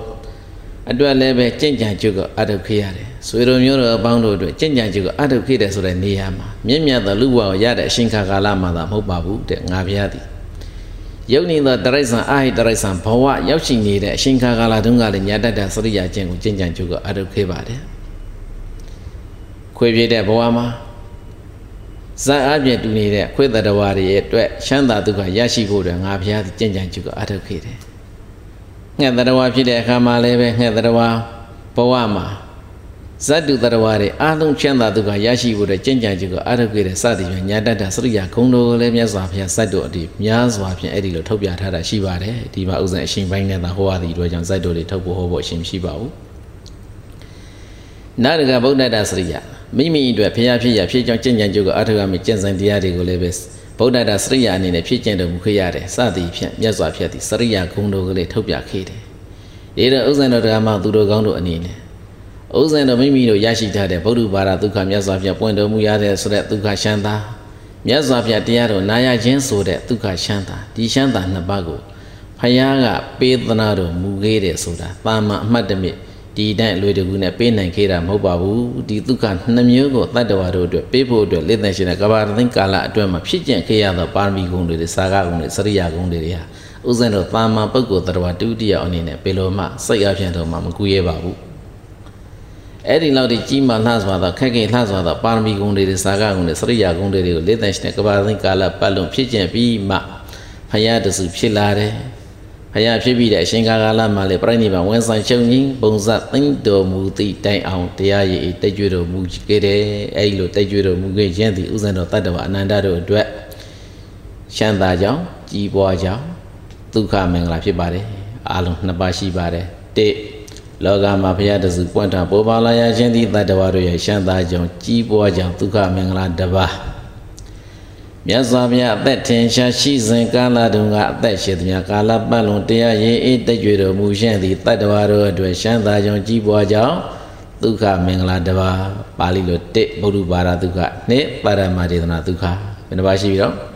နှစ်ပါးဒီဒုက္ခနှစ်ပါးကဥဇ္ဇံတော်တရားရမတွေကြိုးစားအထောက်ရတဲ့ဒုက္ခမျိုးမဟုတ်ဘူး ဖယားရှင်ဖဲကကြိုးပမ်းအထောက်ပြီးတော့တတ္တဝါတို့လက်ထက်မှာအနေခဲ့တဲ့ဒုက္ခနှစ်ပါးပါကြံတဲ့ဒုက္ခနှစ်ပါးကတော့ဥဇ္ဇံတို့တရားဓမ္မတွေကိုယ်တိုင်ရအောင်ကြိုးပမ်းအထောက်နိုင်မှရယူမဲ့ဒုက္ခနှစ်ပါးဒါနဲ့ပတ်သက်ပြီးတော့ဘုရားရှင်ကဒုက္ခသံဃာသသမေဂီသမက်ကနံတပောဒုက္ခသံဃာသရှင်ပေါင်းလူပေါင်းရှင်လူပေါင်းဤသာမေဂီကိုယ်ဆိုင်နေရညီညွတ်ခြင်းသည် တတ္တိယသုံးခုမြတ်သောဒုက္ခရှမ်းသာယုံကြည်ပေါ်ကြောင့်ဒုက္ခမင်္ဂလာစိတ်မှန်ဖြစ်ပါပြီတတ္တိယမြတ်ဒုက္ခကပါမေဂီဒုက္ခလို့ခေါ်တယ်လောကမှာမိတဲ့ညရပတ္တဝါတွေကျောင်းလေးတစ်ခုမှဖြစ်စေရက်ွက်တစ်ခုမှဖြစ်စေမြို့ရွာတစ်ခုမှဖြစ်စေနိုင်ငံတစ်ခုမှဖြစ်စေမိတဲ့နေကြတဲ့ပုဂ္ဂိုလ်တော်တွေအရှင်းရှင်းတယောက်နဲ့တယောက်ခိရမဖြစ်ပေနဲ့ကာယသာမေကြီးစိတ်ဓာသာမေကြီးဖြစ်အောင်ညီညွတ်နေလို့ရှိရင်ဒါသာမေကြီးဒုက္ခပဲမြတ်စွာဘုရား ကင်္ဂါဝလူသေစုမကပွင့်တော်မူကြကုန်သောဘုရားအဆူဆူတို့သည်မိတဲနေကြတတ္တဝအနန္တတို့ဘေးနေရာမှာပဲဖြစ်စေကာယသာမေကြီးစိတ်ဓာတ်သာမေကြီးဖြစ်အောင်ညီညွတ်နေမှုကိုလိုလားတယ်ပါရုခေါ်တယ်တတ္တဝအနန္တတို့အရှင်းရှင်းမိတဲနေကြတတ္တဝအနန္တတို့ညီညွတ်မှုရရှိနေခြင်းသည်သာမေကြီးဒုက္ခဖြစ်တယ်ညီညွတ်မှုမရဘူးစဉ်သာမေကြီးဒုက္ခမဖြစ်နိုင်ဘူးကဘာသူကဘာသာတတ္တဝအားလုံးတို့ ချမ်းသာဖို့အတွက်သာမေကြီးဒုက္ခမရရအောင်တည်ဆောက်နေရမယ်။ကျောင်းလေးတစ်ခုမှာညာတို့တွေရှင်းရှင်းညီညွတ်နေရင်ထိုကြောင့်လည်းဒီသာမေကိတုခဖြစ်တယ်။ရက်ွက်တစ်ခုမှဖြစ်စေမြို့ရွာတစ်ခုမှဖြစ်စေနိုင်ငံတစ်ခုမှဖြစ်စေတရားနဲ့တရားပြဿနာမဖြစ်ပေနဲ့ရာမဖြစ်ပေနဲ့ကာယသံမိစိတ်ဓာတ်သာမေကိဖြစ်အောင်ညီညွတ်နေမှသာလင်ထိုနိုင်ငံသည်ဒါသာမေကိဒုက္ခအပြေဝရမယ်။မညီညွတ်ဘူးဆိုရင်ဘယ်လိုနေနဲ့မှသာမေကိဒုက္ခမရနိုင်ဘူး။သာမေကိဒုက္ခမဖြစ်တဲ့နိုင်ငံသည်ဘယ်တော့မှ မတိုးတက်ဘူးအမြဲတမ်းဆင်းရဲဒုက္ခနဲ့ပဲကြုံကြိုက်နေရမယ်။ဒါကြောင့်မှီတဲ့နေကြတတ္တဝအနန္တတို့ရှမ်းရှမ်းသာသာဒုက္ခကိုတကယ်ရရှိရင်အရှင်းရှင်းတာမေဂီဒုက္ခဖြစ်အောင်နေထိုင်တတ်ရမယ်တာမေဂီဒုက္ခနဲ့ပတ်သက်ပြီးတော့ဒီမှာပါဠိတော်တွေတော်တော်များများဖွင့်ကြပါတယ်မြတ်စွာဘုရားတသုသာလားဆိုတော့မဟုတ်ဘူးကဲကဝါလူသေစုကပွင့်တော်မူကြကုန်သောဘုရားစုစုတော်ကလည်းပဲတတ္တဝါနန္ဒအလုံးတို့သည်တာမေဂီဒုက္ခဖြစ်ဖို့အတွက် အမြဲထားဝရဩဝါဒညွှန်ကြားခေကြပါတယ်ဝိဝါဒံဘယတော်တိတ်သွားအဝိဝါရိန်စခေမတောသမက်ကသခိလာဟောတာဧသာဗုဒ္ဓနာသာသနီတဲ့ဝိဝါဒံအရှင်းရှင်းညင်းကုန်ရှင်ခိုက်ရန်ဖြစ်ရှင်မငြိညွှဲခြင်းမျိုးကိုဘယတော့ကြောက်ပွေးလိမ့်လိဘဲတည်ရလို့တိတ်သွားပတ္တရာရှုမြင်တတ်ကြရမယ်အဝိဝါဒအရှင်းရှင်းမငြင်းကုန်ရှင်ညညွှဲခြင်း ဆိုတဲ့သဘောတရားမျိုးကိုခေမတော့ဘေကံကြောင့်မှန်တိဒုက္ခနိဗ္ဗာန်တအမတတ္တပါပေရလို့ဒိဋ္ဌောပတ္တရာရှုမြင်တတ်ရမယ်ဒိဋ္ဌောအဲ့ဒီလိုရှုမြင်ပြီးတကားလားသမက်ကညင်ညွတ်ကြကုန်သည်ဟောတာဖြစ်ကြကုန်တော့တခိလာတယောက်နဲ့တယောက်ပြောဆိုဆက်ဆံတဲ့အခါမှာလည်းပဲပြတနာမဖြစ်မေတ္တာရှိတတ်ပြီးတော့ပြောဆိုကြကုန်သည်လေဟောတာဖြစ်ကြကုန်တော့ဧသာဤသို့သမက်ကီဒုက္ခရအောင်နေထိုင်ကြခြင်းသည်ဗုဒ္ဓနံ ကံကာဝါလူသစ္စုမကပွင့်တော်မူကြကုန်သောဘုရားအစုစုတို့၏အနုသာသနီအဆုံးမတစ်ခုပါပဲဒီတတ္တဝအနန္တတို့အတွက်ပါမေကြီးဒုက္ခဖြစ်ဖို့အတွက်တတ္တဝတွေဘာလုပ်ရမှာလဲအရှင်းရှင်းတူနဲ့တူကာယပါမေကြီးစိတ်တပါမေကြီးဖြစ်အောင်နေတတ်ထိုင်တတ်ရမယ်ကိုယ်အပြင်လည်းညီညွတ်ရမယ်စိတ်အပြင်လည်းပဲညီညွတ်ရမယ်ကိုယ်စိတ်နှစ်ပါးလုံးတည်တတ္တဝအနန္တတို့အတွက်ညီညွတ်မှုရှိကိုရှိနေရမယ်မညီညွတ်ဘူးဆိုရင်ထိုတိုင်းပြည်ထိုမျိုးရသည်ဘယ်လိုနေနဲ့မှ စိတ်ချမ်းသာမှုမရဘူးဆိုပြီးတော့မြတ်စွာဘုရားဘာဇတ်တို့ထုတ်ပြလဲဆိုရင်ပါမောဒမာနဇတ်တို့ကိုထုတ်ပြတယ်တာမေကြီးဒုက္ခဖြစ်ဖို့အတွက်ပါမောဒမာနဇတ်ဆိုတာငုံဇတ်ပဲဟုတ်လားငုံတတဝါနဲ့ပတ်သက်ပြီးတော့မြတ်စွာဘုရားဟောတာတာရှိပါတယ်အကျဉ်းချုပ်ပြီးတော့နေနေတာတကပြောခဲ့ပါအဲ့ဒီငုံပရိသတ်ဟိမဝန္ဒတို့မှာသူနေကြတယ်အမတန်မှညင်ညွတ်ကြတယ် အမတန်မှညင်ညွတ်တဲ့အခါမှာအဲ့ဒီငုံပရိသတ်နေတဲ့တိုးအုပ်ကြီးအနီးနားမှာတိုးရွာတစ်ခုမှာမိုးဆိုးကြီးတရားနေဆိုင်နေတဲ့အဲ့ဒီလိုသူ့ရဲ့ပိတ်ကွမ်းနဲ့လာပြီးတော့ငှက်တဲ့ဘာတွေကိုလာဖမ်းတယ်ငုံပရိသတ်တွေကတယောက်နဲ့တယောက်ညင်ညွတ်ကြတယ်ဆိုတော့မိုးဆိုးကြီးကပိတ်ကွမ်းနဲ့ပြစ်လိုက်တဲ့အချိန်ခါကာလမှာငုံပရိသတ်တွေကသူတစငါတစကိတ်ရှိပြီးတော့ပိတ်ကွမ်းကြီးကိုတခါနဲ့ကိတ်ရှိသွားကြကြိုက်ရှိပြီးတော့စုချုံရှိတဲ့နေရာဌာနမှာသွားပြီးတော့ဒီပိတ်ကွမ်းကြီးကိုပြစ်ချလိုက်တယ် ငုံပရိသတ်ကအများကြီးရှိနေသည့်အတွက်ကြောင့်သူတို့ညီညွတ်နေသည့်အတွက်ကြောင့်မုတ်ဆိုးကြီးပြစ်လိုက်တဲ့ပိတ်ကွမ်းကိုသူတစားငါစားအရှင်းရှင်းညီညွတ်ညံ့နဲ့ကြိုက်ရှိပြီးတော့တနေရာမှာဘေးကင်းတဲ့နေရာမှာသွားပြီးတော့ပြစ်ချတယ်အဲ့ဒီလိုညီညွတ်တဲ့အချိန်ခါကာလမှာမုတ်ဆိုကြီးသည်ဘယ်လောက်ပဲကြိုးပမ်းအားထုတ်တော်လဲပဲငုံပရိသတ်အတွက်ဘာတစ်ခုမှဒုက္ခမရောက်နိုင်ဘူးကြာရောက်လာပြီးအန်ရေတွေကိုညီညွတ်ညံ့နဲ့ပဲကာကွယ်သွားကြတယ်အဲ့ဒီမှာမုတ်ဆိုကြီးက အဲဒီပရိသတ်တွေညီညွတ်နေသမျှကာလပတ်လုံးငါရဲ့လုပ်ငန်းတော့မအောင်မြင်နိုင်ဘူးတနေ့နေ့တရှင်ရှင်ဟာကာလမှာသူတို့ညီညွတ်မှုပရိသတ်ညီညွတ်မှုအင်အားတွေမရှိလာဘူးယုံနေလာပြီညီညွတ်မှုပြတ်ပြားလာပြီဆိုတဲ့တနေ့ရမှာဒီငုံပရိသတ်တွေဟာငါရဲ့အစာတွေဧကမုတ်ချဖြစ်မယ်ဒီလိုနဲ့ငုံပရိသတ်တွေညီညွတ်မှုပြတ်ပြတ်မဲ့အရှင်ဘန်းကိုစောင့်ကြည့်ပြီးတော့သူတို့မဆိုးကြီးကနေစောင့်ကြည့်နေတယ်တနေ့တော့အဲ့ဒီငုံပရိသတ်မှာအစာရှာစားနေတဲ့အချိန်ပေါ့ ငုံတော်ကမတော်ရစနာငုံငင်ကလေးတကောင်ကောင်းတဲနေမိတယ်တဲနေမိတော့ငုံကပြောတယ်ဟဲ့ငါကောင်းကဘာဖြစ်လို့မင်းတဲနေတာလဲဟောကမတော်ရစလို့ပါဖြစ်လို့ပါခိတ်မိသွားတယ်ထိမိသွားတယ်ပေါ့တောင်းပန်တယ်မရပါဘူးနောက်ဆုံးပရိသတ်ရဲ့အရှင်ရှင်ပြဿနာဖြစ်ပြီးတော့ငုံပရိသတ်ရဲ့တကောင်းနဲ့တကောင်းကြိုက်နေတဲ့အချိန်မှာပေါ့ရံဖြစ်နေတဲ့အချိန်မှာမိုးစိုးကြီးကနေပြီးတော့ပိုက်ကွန်နဲ့ဖမ်းသွားတယ်ငုံပရိသတ်ရဲ့ညီညွတ်နေတဲ့အချိန်မှာတော့မိုးစိုးကြီးဘယ်လိုကြိုးပမ်းဖမ်းတော်လဲပဲ ဘယ်လိုနေနေမှာမရနိုင်ဘူးဒါဘာကြောင့်လဲညီညွတ်နေလို့ငုံပရိသတ်ရဲ့တရားနဲ့တရားပြဿနာဖြစ်နေတဲ့အချိန်မှာတော့မိုးစိုးကြီးကအသာကလေးပိုက်ကွန်နဲ့ပြစ်တော်တယ်အဲ့ဒီမှာဘုဇောကြီးကဘက်ကောင်နဲ့ပြည့်တဲ့အချိန်မှာငုံတော်ကပြောတယ်ဟဲ့မဲဘက်ကနေပြီးတော့ဝအစကိုရှိပြီးတော့ကိတ်ရှိစမ်းအာမရှိနိုင်ဘူးကွစသည်ဖြင့်ပြဿနာတက်ကြတယ်အဲ့ဒီပြဿနာတက်နေတဲ့အချိန်ခါကာလမှာဘုဇောကြီးကဒီပိတ်ကွမ်နဲ့ပြည့်လိုက်တော့ငုံပရိသတ်တွေအားလုံးဟာပိတ်ကွမ်ထဲမှာကြောက်သွားတယ် ဒီဇတ်တို့ကိုမြတ်စွာဘုရားကပြန်ပြီးတော့ဟောပြတယ်ပရိသတ်လေးပါရှိသက်ရှိသမီးတို့ဘိက္ခုဘိက္ခုနဲ့ဥပါဒကဥပါတိကမှာဆိုပရိသတ်အားလုံးတော့ငါပြည့်ရဲ့သာသနာမှာရောက်ရှိနေကြအောင်တပည့်ပရိသတ်တွေညီညွတ်နေသမျှကာလပတ်လုံးမာမောဒမာနဇတ်ထဲမှာလာတဲ့အကြောင်းအရာလိုပါပဲဘာတခုမှပြဿနာမရှိဘူးဆိုရင်ငါပြရပြိဿငါပြရတပိသားကပြိဿတရားသိချမ်းသာကြမယ် ညီညွတ်မှုပြက်ပြားပြီဟဲ့ဆိုတဲ့တနေ့မှာငါပြရတပိပြိဿတရားလေးပဲငုံပြိဿကေသောမုတ်ဆိုကြီးရဲ့လက်ထဲသို့ရောက်သွားလိမ့်မယ်အဲ့ဒီလိုမရောက်ရအောင်သာမိတ်ကြီးဒုက္ခကိုမရရအောင်မိမိတို့တည်ဆောက်ကြပါနိုင်ငံတစ်ခုအနေနဲ့တာမေဂီဒုက္ခဖြစ်အောင်တည်ဆောက်နိုင်ရင်ထိုနိုင်ငံသည်ချမ်းသာမယ်ထိုနိုင်ငံသည်တိုးတက်မယ်တာမေဂီဒုက္ခရအောင်မတည်ဆောက်နိုင်တဲ့နိုင်ငံတွေကတော့ဘယ်လိုနည်းနဲ့မှမတိုးတက်နိုင်ဘူးစိတ်ချမ်းသာမှုလည်းမရနိုင်ဘူးဒါတွေကကဘာကြီးတစ်ခုလုံးကို သိမ့်ကျုံပြီးတော့ကြေးလိုက်ကိုယ့်ရဲ့မြန်မာနိုင်ငံပါမဟုတ်ဘူးကျန်တဲ့နိုင်ငံတွေမှာလည်းကြေးလိုက်ညီညွတ်မှုမတည်ဆောက်နိုင်သေးသောနိုင်ငံတိုင်းနိုင်ငံတိုင်းမှာသွေးမြေတွေကြာပြီးတော့စိတ်ဆင်းရဲမှုဒုက္ခတွေအမြဲတမ်းရရှိနေကြတယ်ငြိမ်းချမ်းမှုရရှိနေတဲ့တာမိတ်ကြီးဒုက္ခရှိတဲ့နိုင်ငံတိုင်းနိုင်ငံတိုင်းမှာကတော့အကုန်လုံးစိတ်ချမ်းသာမှုရတယ်ဘာမှသွေးမြေကြစရာမလိုဘူးဒါကြောင့်မြတ်စွာဘုရားက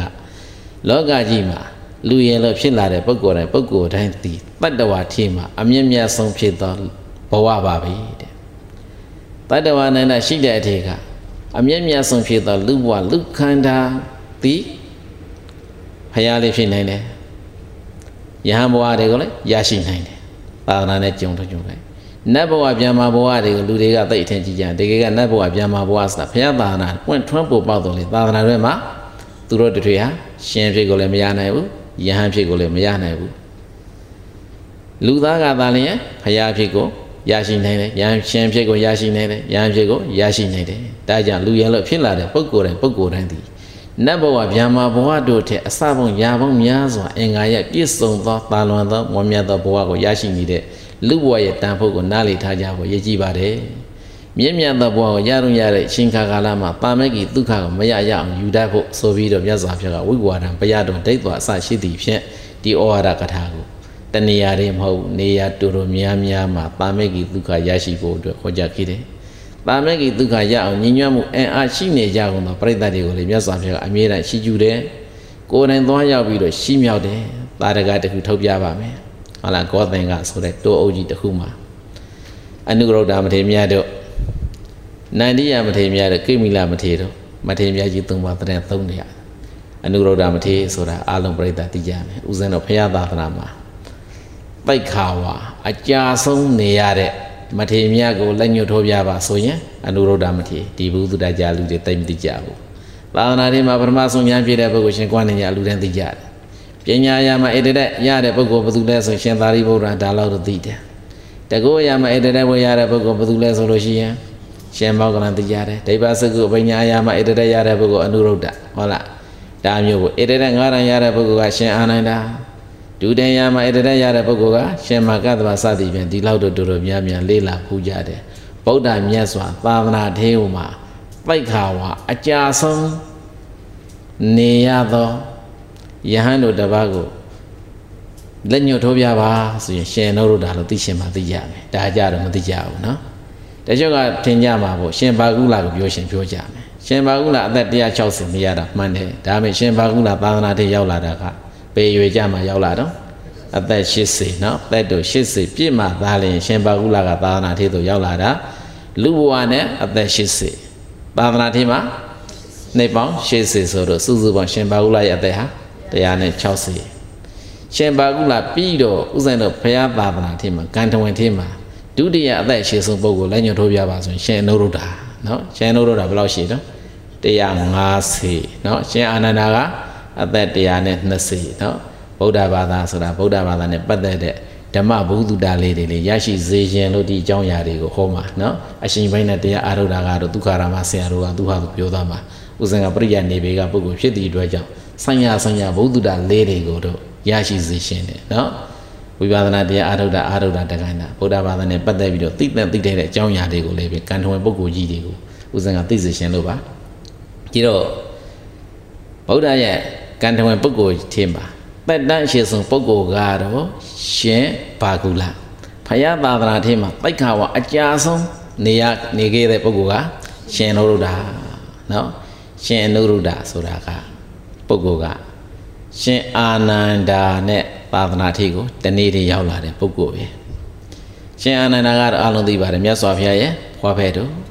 ဖယားပြိဋိမှာစံတော်မူတဲ့နေ့မှာရှင်အာနန္ဒာလည်း အသက်80ပြည့်တယ်မြတ်စွာဘုရားလည်းအသက်80ပြည့်တယ်ရှင်အာနန္ဒာနဲ့မြတ်စွာဘုရားကတော့တက်တူရွေတူနော်မိနေပိုင်စက္ကံပိုင်တပြင်းညီမွေးဖွားလာကြတာဖွားပဲတော့ရှိဥထင်မှာရှင်အာနန္ဒာသည်တပါးပါဝင်ဖြစ်တယ်မြတ်စွာဘုရားပြိဋိမှာစံတော်မူတဲ့နေ့မှာရှင်အာနန္ဒာလည်းအသက်80ပြည့်တယ်ဝါအားဖြင့်မြတ်စွာဘုရားကတော့45ဝါရှင်အာနန္ဒာက44ဝါအနုရုဒ္ဓမထေရလေးပဲဘယ်နှဝါရှိတော့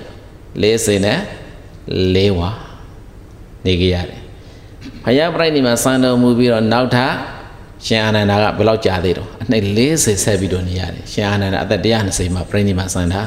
ရှင်နုရုဒ္ဓကအသက်150မှာပြိဋိမှာစံတာဘုရားနေပြိဋိမှာစံတော်မူတဲ့မဟာသက္ကရာ140ရှိခုမှာရှင်အာနန္ဒာကလေ44ဝါအနုရုဒ္ဓကလေ44ဝါ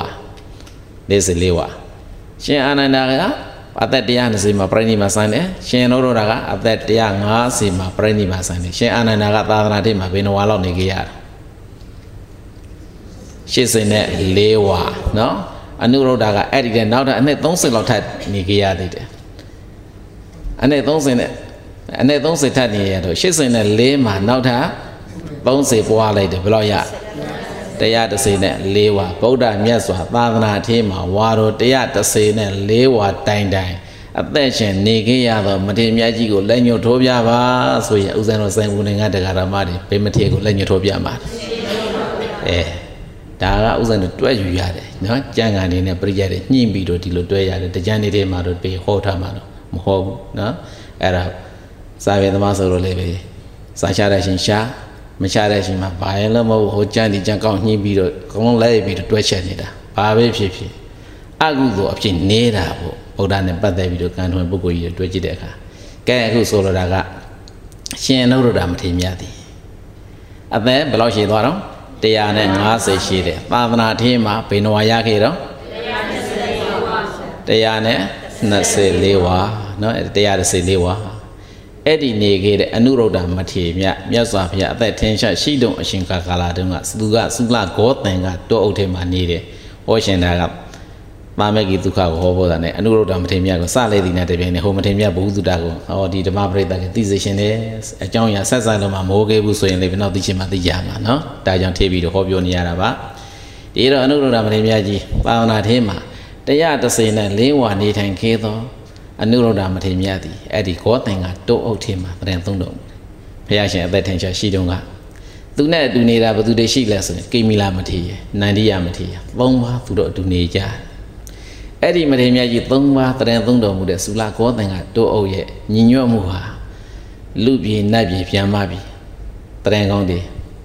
ပြန်နှမ်းပြီးတော့နေတယ်အဲ့တော့မြတ်စွာဘုရားကငါပြည့်ရဲ့တပည့်သားဟုတ်ကတယ်မြောင်များစွာရှိတယ်အဲ့ဒီခေတ်မှာ ဒီအနုရုဒ္ဓတို့ကိမိလာတို့နန္ဒီယမထေရမြတ်တို့ရဲ့တာမက်ကြီးဒုက္ခညီညွတ်ရေးစီအမတန်မှနာမည်ကြီးတယ်ဒီတပည့်တွေသုံးပါးကိုငါဘုရားကိုယ်နဲ့သွားပြီးရှိမြောက်မယ်ဆိုပြီးမြတ်စွာဘုရားဇေတော်ကနေပြီးတော့ကောသင်္ကတုတ်အုပ်ကိုကြွသွားတယ်အနုရုဒ္ဓမထေရမြတ်တို့သုံးပါးတရင်သုံးတော်မူတဲ့နေရာရောက်ဥယျာဉ်တွေကိုဝင်တော့မယ်ဆိုတော့ဥယျာဉ်ဆောင်တက္ကကြီးကတားတယ်ယဟန်ကြီး မဝင်ပါနဲ့ဟောဒီကောသင်္ကတုတ်အုပ်မှာတရင်သုံးတော်မူတဲ့မထေရမြတ်တရားအကြာကြီးတရင်သုံးတယ်ဘာတခုမှသူတို့သုံးပါးဟာပြဿနာမရှိဘူးအမှန်တမ်းမှညီညွတ်ကြတယ်အမှန်တမ်းမှကြီးညိုဝေကောင်းတယ်ရဟန်းကြီးရောက်လာလို့ရှိရင်ဒီတော့ဝင်သွားလို့ရှိရင်ဒီရဟန်းသုံးပါးညီညွတ်ပြက်ပြက်သွားလိမ့်မယ်မဝင်ပါနဲ့မြတ်စွာဘုရားမှမသိဘူးဆရာဘုရားကြွလာတာကိုဥယျာဉ်ဆောင်တကာကြီးကဘုရားမှမသိဘူးဒီမှာတပည့်တော်တို့ တောအုပ်ထဲမှာဥယျာဉ်ထဲမှာတရံသုံးတော်မူတဲ့မထေရမြတ်သုံးပါးအမှန်တန်ကြီးညိုဝေကောင်းပါတယ်နေပုံထိုင်မှုလည်းအမှန်တန်မှညီညွတ်ကြပါတယ်တာမဲ့ကြီးဒုက္ခအပြည့်ဝရအောင်နေကြထိုင်ထိုင်ကြသည်တို့ကြောင့်ဒီမထေရမြတ်သုံးပါးကိုဖူးတွေ့လိုက်ရတော့တရားဓမ္မတွေအနန္တသားမှာလေးပဲအမြဲတမ်းငင်းချမ်းရေးဟာဖုမြော်လိုက်ရုံနဲ့အပြည့်အဝသရတရားတွေတိုးပေါ်ခွင့်ရပါတယ်ဒီတော့ဒီမတင်မြတ်တရားညီညွတ်မှုကိုမပြတ်ပြားပါစေနဲ့ရဟန်းကြီးရှေ့ကိုမတိုးပါနဲ့မကြွပါနဲ့တားတယ်အဲ့တော့ကအနုရုဒ္ဓက လှမ်းပြီးတော့ဒိဗ္ဗစကုအပညာရှင်ဆိုတော့လှမ်းကြည့်တယ်နော်ကြည့်တော့မြင်တယ်မြတ်စွာဘုရားမြင်သည်နဲ့တည်းမြင်တယ်မတင်မြတ်သုံးပါးကတားတယ်အဲဥယျာဉ်ဆောင်တကာကြီးအခုကြွလာတဲ့ပုဂ္ဂိုလ်ကြီးဟာကျုပ်တို့ရဲ့ဆရာမြတ်စွာဘုရားဖြစ်ပါတယ်မတပါနဲ့အဲ့ဒီလိုအနုရောဓကနေပြီးတော့တခါကြီးကိုတားပြီးမှမြတ်စွာဘုရားလက်အုပ်ရှိပြီးတော့ဥယျာဉ်တွေပင့်ဥယျာဉ်တွေရောက်တဲ့အခါမှာမြတ်စွာဘုရားကအဲ့ဒီမှာမထေ၃ပါးကို တပါးစီတပါးစီမေးခွန်းထုတ်တယ်ရှေးဥစွာအကြီးဆုံးဖြစ်တဲ့အနုရောဓမထေမြတ်ကိုမေးတယ်အနုရောဓတို့တင်တို့၃ပါးရဲ့ညီညွတ်မှုသာမေကိဒုက္ခဂုံတဲ့ဟာ30တပုံလောကကြီးထဲမှာပြန့်နှံ့နေတယ်ဘယ်လိုများနေကြထိုင်ကြတာလဲငါဘုရားကိုလျှောက်ကြပါဦးအဲ့လိုမိန့်ကြတော့အနုရုဒ္ဓကမြတ်စွာဘုရားကလျှောက်တယ်ဘုန်းတော်ကြီးသားမြတ်စွာဘုရားတပည့်တော်တို့သုံးပါးထဲမှာတပည့်တော်ကတိုက်ခါဝအကြီးဆုံးပုဂ္ဂိုလ်ဖြစ်ပါတယ် တိုက်ခါဝအကြီးဆုံးပုဂ္ဂိုလ်ဖြစ်ပင်မဲ့လည်းပဲငါရဲ့ညီညိုနှစ်ပါးဟာငါရဲ့အလိုဆိုင်တာအတိုင်းသာလင်ဖြစ်ရမယ်ဆိုပြီးတော့အတ္တမာနအတ္တဒိဋ္ဌိသဘောမျိုးနဲ့ဘယ်လိုနည်းနဲ့မှမကျင့်သုံးပါဘူးအကြီးဆုံးပဲဖြစ်တဲ့ဇေကမှုလေငါရဲ့ညီတို့နှစ်ပါးတို့ရဲ့စိတ်ဆန္ဒနဲ့လက်လျညွတွေဖြစ်အောင်ငါနေမယ်ဆိုတဲ့ဆုံးဖြတ်ချက်ထားပြီးတော့တပည့်တွေရဲ့ဆန္ဒကဘယ်တော့မှရှေ့တမတင်ပါဘူးဖေဟာဒီညီတို့နှစ်ပါးတို့ရဲ့ဆန္ဒနဲ့အတတ်နဲ့ဆုံးကန့်ညီအောင်တပည့်တို့ကျင့်သုံးပါတယ်နေထိုင်ပါတယ် အနုရောဓဂါဒီတိုင်းရှောက်တယ်ပြီးမှတခါကိမိလာမထေကိုမေးတယ်ကဲကိမိလာမထေသင်လည်းပဲရှောက်စမ်းပါအောင်ဘယ်လိုနေလဲတပည့်တို့ကအလတ်ပင်ဖြစ်စေကမှုလေတပည့်တို့ရဲ့နောင်တို့ရဲ့အနုရောဓမထေရဲ့ဆန္ဒညီငယ်ဖြစ်သောနန္ဒီယမတေရဲ့ဆန္ဒတို့နဲ့လက်ညှိရတဲ့ဖြစ်အောင်တပည့်တို့နေပါတယ်တပည့်တို့ရဲ့ဆန္ဒကဘယ်တော့မှရှေ့တန်းတန်ပြီးတော့မကျင့်သုံးပါဘူးဖေဟာလျှောက်တယ်အငယ်ဆုံးဖြစ်တဲ့နန္ဒီယကဆက်ပြီးတော့လျှောက်တယ်တပည့်တော်ကလည်းပဲ သုံးပါးထဲမှာတိုက်ခါဝအငယ်ဆုံးပုဂ္ဂိုလ်ဖြစ်စေကာမူလည်းပဲတပည့်တို့ရဲ့ဆန္ဒအတိုင်းဘယ်ဖြစ်ရမယ်ဆိုတဲ့ပုံစံမျိုးဘယ်လိုမှမကျင့်သုံးပါဘူးဗျာတပည့်တော်တော့နောင်တော်နှစ်ပါးရဲ့စိတ်ဆန္ဒနဲ့လက်ညှိုးညင်တွေဖြစ်အောင်တပည့်တော်ကျင့်သုံးပါတယ်နေထိုင်ပါတယ်အဲ့လိုရှောက်ပြီးတကားလားမထေသုံးပါးကမြတ်စွာဘုရားကိုတပြိုင်နဲ့တပန်လေးဖွင့်ပြီးတော့ရှောက်လိုက်တာကနာနာဟိခောဗန္ဒီကာယစိတ်တံပနာဧကမညေဘဂဝါဘုံတို့နေဝံ ထွန်းလင်းတောက်ပါတော်မူတဲ့မြတ်စွာဘုရားမယံတပိတို့တို့သည်နာနာကာယခန္ဓာကိုယ်ကသုံးခုဖြစ်နေတဲ့တကွေစီတကွေစီထင်းရပါတော့လဲပဲစိတ်တံပနာနှလုံးသားထဲမှာရှိနေတဲ့စိတ်တကတော်ဧကမညေတခုတည်းလို့ထင်ရပါတယ်ဘုရားမထေသုံးပါးတပန်လေးထွက်တဲ့တပိတို့တို့သုံးပါးဟာခန္ဓာကိုယ်အပြင်ကြည့်ရင်တခုစီတခုစီသုံးကိုသုံးကာရလို့ထင်ရတော့လဲပဲစိတ်အပ်စိတ်ဆန္ဒကတော့တခုတည်းဖြစ်နေပါတယ်ဖရာလို့ သုံးကိုတစိုက်စာထဲမှာကဒီတိုင်းလာတယ်ဒီကနေ့မြန်မာခေကြတော့နှစ်ကိုတစိုက်ဆိုပြီးတော့ဒီတိုင်းလာတယ်စာထဲမှာကတော့နာနာဟိကောဗန္ဒေကာယစိတ်တံပါဏဧကံမညေဒီတိုင်းလျှောက်တယ်အဲဆိုလိုတာကနန္ဒီယမထေတို့ကိမိလမထေတို့အနုရုဒ္ဓမထေတို့ပုံပါကောသင်ကတိုးအုပ်မှာနေကြထိုင်ကြတာဟာတာမက်ကြီးဒုက္ခအဖြစ်အပြည့်အဝရရှိသော နေကြသောမထေမြတ်တို့တရင်သုံးနေနေနေထိုင်ရာဌာနကိုမြတ်စွာဘုရားကိုယ်တိုင်သွားရောက်ရှိမြောက်ရုံမဟုတ်ဘူးဇေတဝန်ကျောင်းတော်ရောက်ရှိတဲ့အခါကာလမှာလေးပဲမြတ်စွာဘုရားကဒီညီညွတ်မှုတရားတွေကိုပဲပြန်ပြီးတော့ဟောတယ်လောကကြီးထဲမှာညီညွတ်မှုရရှိခြင်းသည်တတ္တဝအလုံးတို့အတွက်ချမ်းသာခြင်းဒုက္ခညီညွတ်မှုပြတ်ပြခြင်းသည်တတ္တဝါတို့အတွက်ဆင်းရဲကြောင်းဒုက္ခတစ်ခုဖြစ်ပါတယ်ဒါကြောင့်ဒုက္ခသံဃာတာပါမေဂီသံဃာတာဖြင်းပေါင်းလူပေါင်းရှင်လူပေါင်းဤ ပါမေဂီကိုစိတ်နေရညီညွတ်နေမှသာလျင်ဒုက္ခသုံးခုမြောက်ရှမ်းသာကြောင့်တရားဖြစ်ပါပြီဒါကြောင့်ပါမေဂီဒုက္ခကတော့ငါဘုရားဖဲကပြုလုပ်ပေးလို့ရတဲ့အရာမဟုတ်ဘူးတဲ့ကိုကိုယ်တိုင်ပုဂ္ဂလသဗ္ဗယာဖြစ်အောင်ကာယပါမေဂီစိတ်တပါမေဂီဖြစ်အောင်နေရထိုင်တတ်မှသာလျင်ရမယ်နော်ဦးဇင်းတို့ကကိုယ်နိုင်ငံကိုအဲ့ဒီပါမေဂီဒုက္ခရစေရှင်တာဗုဒ္ဓဘာသာလို့သာလျင်အမိခံထားပေမဲ့တာမဲ့ကြီးဒုက္ခမတေဆောက်နိုင်ခေသည်မရရှိနိုင်သည့်အတွက်ကြောင့်ဒီနေ့အရှင်ဒီဒီတိုင်းပဲဖြစ်နေသေးတယ် အဲနောင်ကိုတော့တာမဲ့ကြီးဒုက္ခအပြည့်အဝရဖို့အတွက်မျှော်လင့်ထားပါတယ်ရလေရလာလိမ့်မယ်လို့ထင်ပါတယ်နော်ဖခင်ကတော့ဟောကြားထားတာအများကြီးပဲဗုဒ္ဓဘာသာလို့အမိခံပေမဲ့တာမဲ့ကြီးဒုက္ခမတေဆောက်နိုင်ခေသည်အတွက်ကြောင့်နိုင်ငံဟာဒီနေ့ရှင်ဒီဒီလိုပဲရှိသေးတယ်ဒါတွေကိုလည်းပဲတိုးတက်စေခြင်းနဲ့ကြီးပွားစေခြင်းနဲ့မြတ်စွာဘုရားကတော့ညီညွတ်မှုရနိုင်မယ်တာမေကိဒုက္ခဖြစ်အောင်ညီညွတ်ရေးတည်ဆောက်နိုင်ရင်ထိုနိုင်ငံထိုတိုင်းပြည်ထိုမျိုးရွာထိုကြောင်းတွေသည်ကြီးပွားမယ်ညီညွတ်ရေးမတည်ဆောက်နိုင်ဘူးဆိုရင်ထိုနိုင်ငံထိုတိုင်းပြည်ထိုမျိုးရွာသည် ပြက်ပြမယ်စိတ်ချမ်းသာမှုမရဘူးမိတက်နေကြတတ္တဝအနန္တတို့အတွက်ဒုက္ခရောက်ကြောင်းညီညွတ်မှုရရှိမှသာလျှင်ချမ်းသာကြောင်းဖြစ်တယ်ဆိုတဲ့အကြောင်းပါမောဒမာနာဇက်ကိုထုတ်ပြီးတော့ဒုက္ခလေးပါဒေသနာနဲ့ဖျားရှင်ဟောခဲ့တဲ့။ကဲဥဇံတို့ခုဟောခဲ့တာဘယ်နှပါရှိသွားလဲ။၃ပါးတိလောကမှာမြတ်စွာဘုရားပွင့်တော်မူလာရခြင်းသည်တတ္တဝါတို့ရဲ့ချမ်းသာကြောင့်ကြီးပွားကြောင့်ဒုက္ခမင်္ဂလာတပါး မြတ်စွာဘုရားအသက်ထင်ရှားရှိတဲ့ရှင်ကာလပတ်လုံးတရားရင်အေးတက်ကြွတော်မူခြင်းဟာလည်းပဲတတ္တဝါနန္ဒတို့အတွက်ချမ်းသာကြောင့်ကြီးပွားကြောင့်ဒုက္ခမင်္ဂလာတပါး၃လောကမှာမိတတ်နေကြတတ္တဝါနန္ဒတို့တဥနဲ့တူကာယသားမေကြီးစိတ်ဓာသားမေကြီးဖြစ်အောင်ညီညွတ်မှုတေဆောက်နိုင်ခြင်းဟာလည်းပဲချမ်းသာကြောင့်ကြီးပွားကြောင့်ဒုက္ခမင်္ဂလာတပါးယ်နှပါရှိပြီသုံးပါရှိပြီနောက်လေးခုမြောက်ဒုက္ခ ဒုက္ခသံဃတပါမေကိသမက်ကနာတပော့ဒုက္ခသမက်ကနာညညွတ်ပြီးဖြစ်ကြကုန်သောရှင်ပေါင်းလူပေါင်းရှင်လူပေါင်းနိုင်ငံသူနိုင်ငံသားပေါင်းတို့၏တဘောကိလေသာတို့ကိုပူပန်စေတတ်သောကုသိုလ်စေဟုမြတ်ကောင်မူလို့ကိုကြိုးပန်အရဝေနေရာရှင်သည်ဝါသမ္မပရံလုံးလာဝိရိယဖြင့်နေရာချင်းကသာလျင်သရုတ်တော်လေးခုမြောက်သောသူခေါ်ရှမ်းသားကြောင့်ကြီးပွားကြောင့်ဒုက္ခမင်္ဂလာစိတ်မှန်ဖြစ်ပါ၏လေးခုမြောက်ဒုက္ခကပါဠိလိုတပောဒုက္ခလို့ခေါ်တယ် တပောဒုက္ခဆိုတာညညွတ်နေုံနဲ့မပြီးသေးဘူးတဲ့ကိလေသာတွေကိုပူပန်စေတတ်သောကုသိုလ်စေဟုလုပ်ငန်းအစုကိုလှုပ်ဆောင်နေမှသာလျှင်တပောဒုက္ခဆိုတာဖြစ်မယ်ကုသိုလ်စေဟုဒါအရေးကြီးတယ်နော်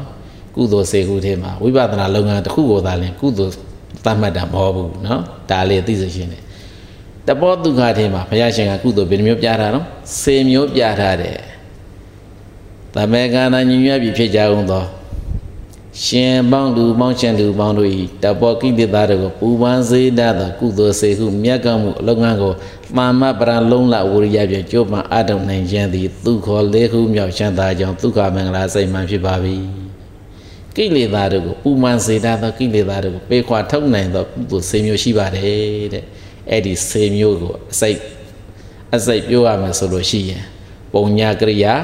ဝိတု10ပါးကိုပြောတာပါတဲ့တပတ်ထဲမှာ ပုံညာကရိယာဝိတု10ပါးကတော့အဘိဓမ္မာလိစ္ဆာပြီးတဲ့ပုဂ္ဂိုလ်တွေကအကုန်လုံးသိပါတယ်ဒါနာသီလဘာဝနာအပါစယဝေယဝေစာပတ္တိဒါနာပတ္တ ानु မောဒနာဓမ္မသဝနာဓမ္မဒေသနာဒိဋ္ဌိစုကာမအဲ့ဒီစေမျိုးလုံးဟာတေကိုကောက်ရင်ကုသိုလ်ဓမ္မကိုပဲအရာကောက်ရတယ်အသေးစိတ်ဆိုရင်တော့ပရမတ္ထအပြင်တိတိကျကျအဘိဓမ္မာသဘောတရားနဲ့ဆိုရင်အမတမနည်းနေသွားလိမ့်မယ် အခုတဘောတုကထေမှာဖျားရှင်ဟောတော်တာကသမေကာဏညီညွတ်ပြီဖြစ်ကြအောင်သောရှင်ပေါင်းလူပေါင်းရှင်လူပေါင်းတို့ဤတဘောကိလေသာတို့ကိုပူပန်စေတတ်သောကိလေသာတို့ကိုပေခွာကြောင်းဖြစ်သောဒါနသီလဘာဝနာအပစင်နာဝေယဝိသပတိဒါနာပတ္တနုမောဒနာဓမ္မသောနာဓမ္မဒေသနာဒိဋ္ဌိစုကမ္မလို့ဆိုတဲ့ကုသိုလ်စေမျိုးကိုသမ္မာပဒလုံးလဝရိယဖြင့်ကြိုးပမ်းအထုံနိုင်ခြင်းသည်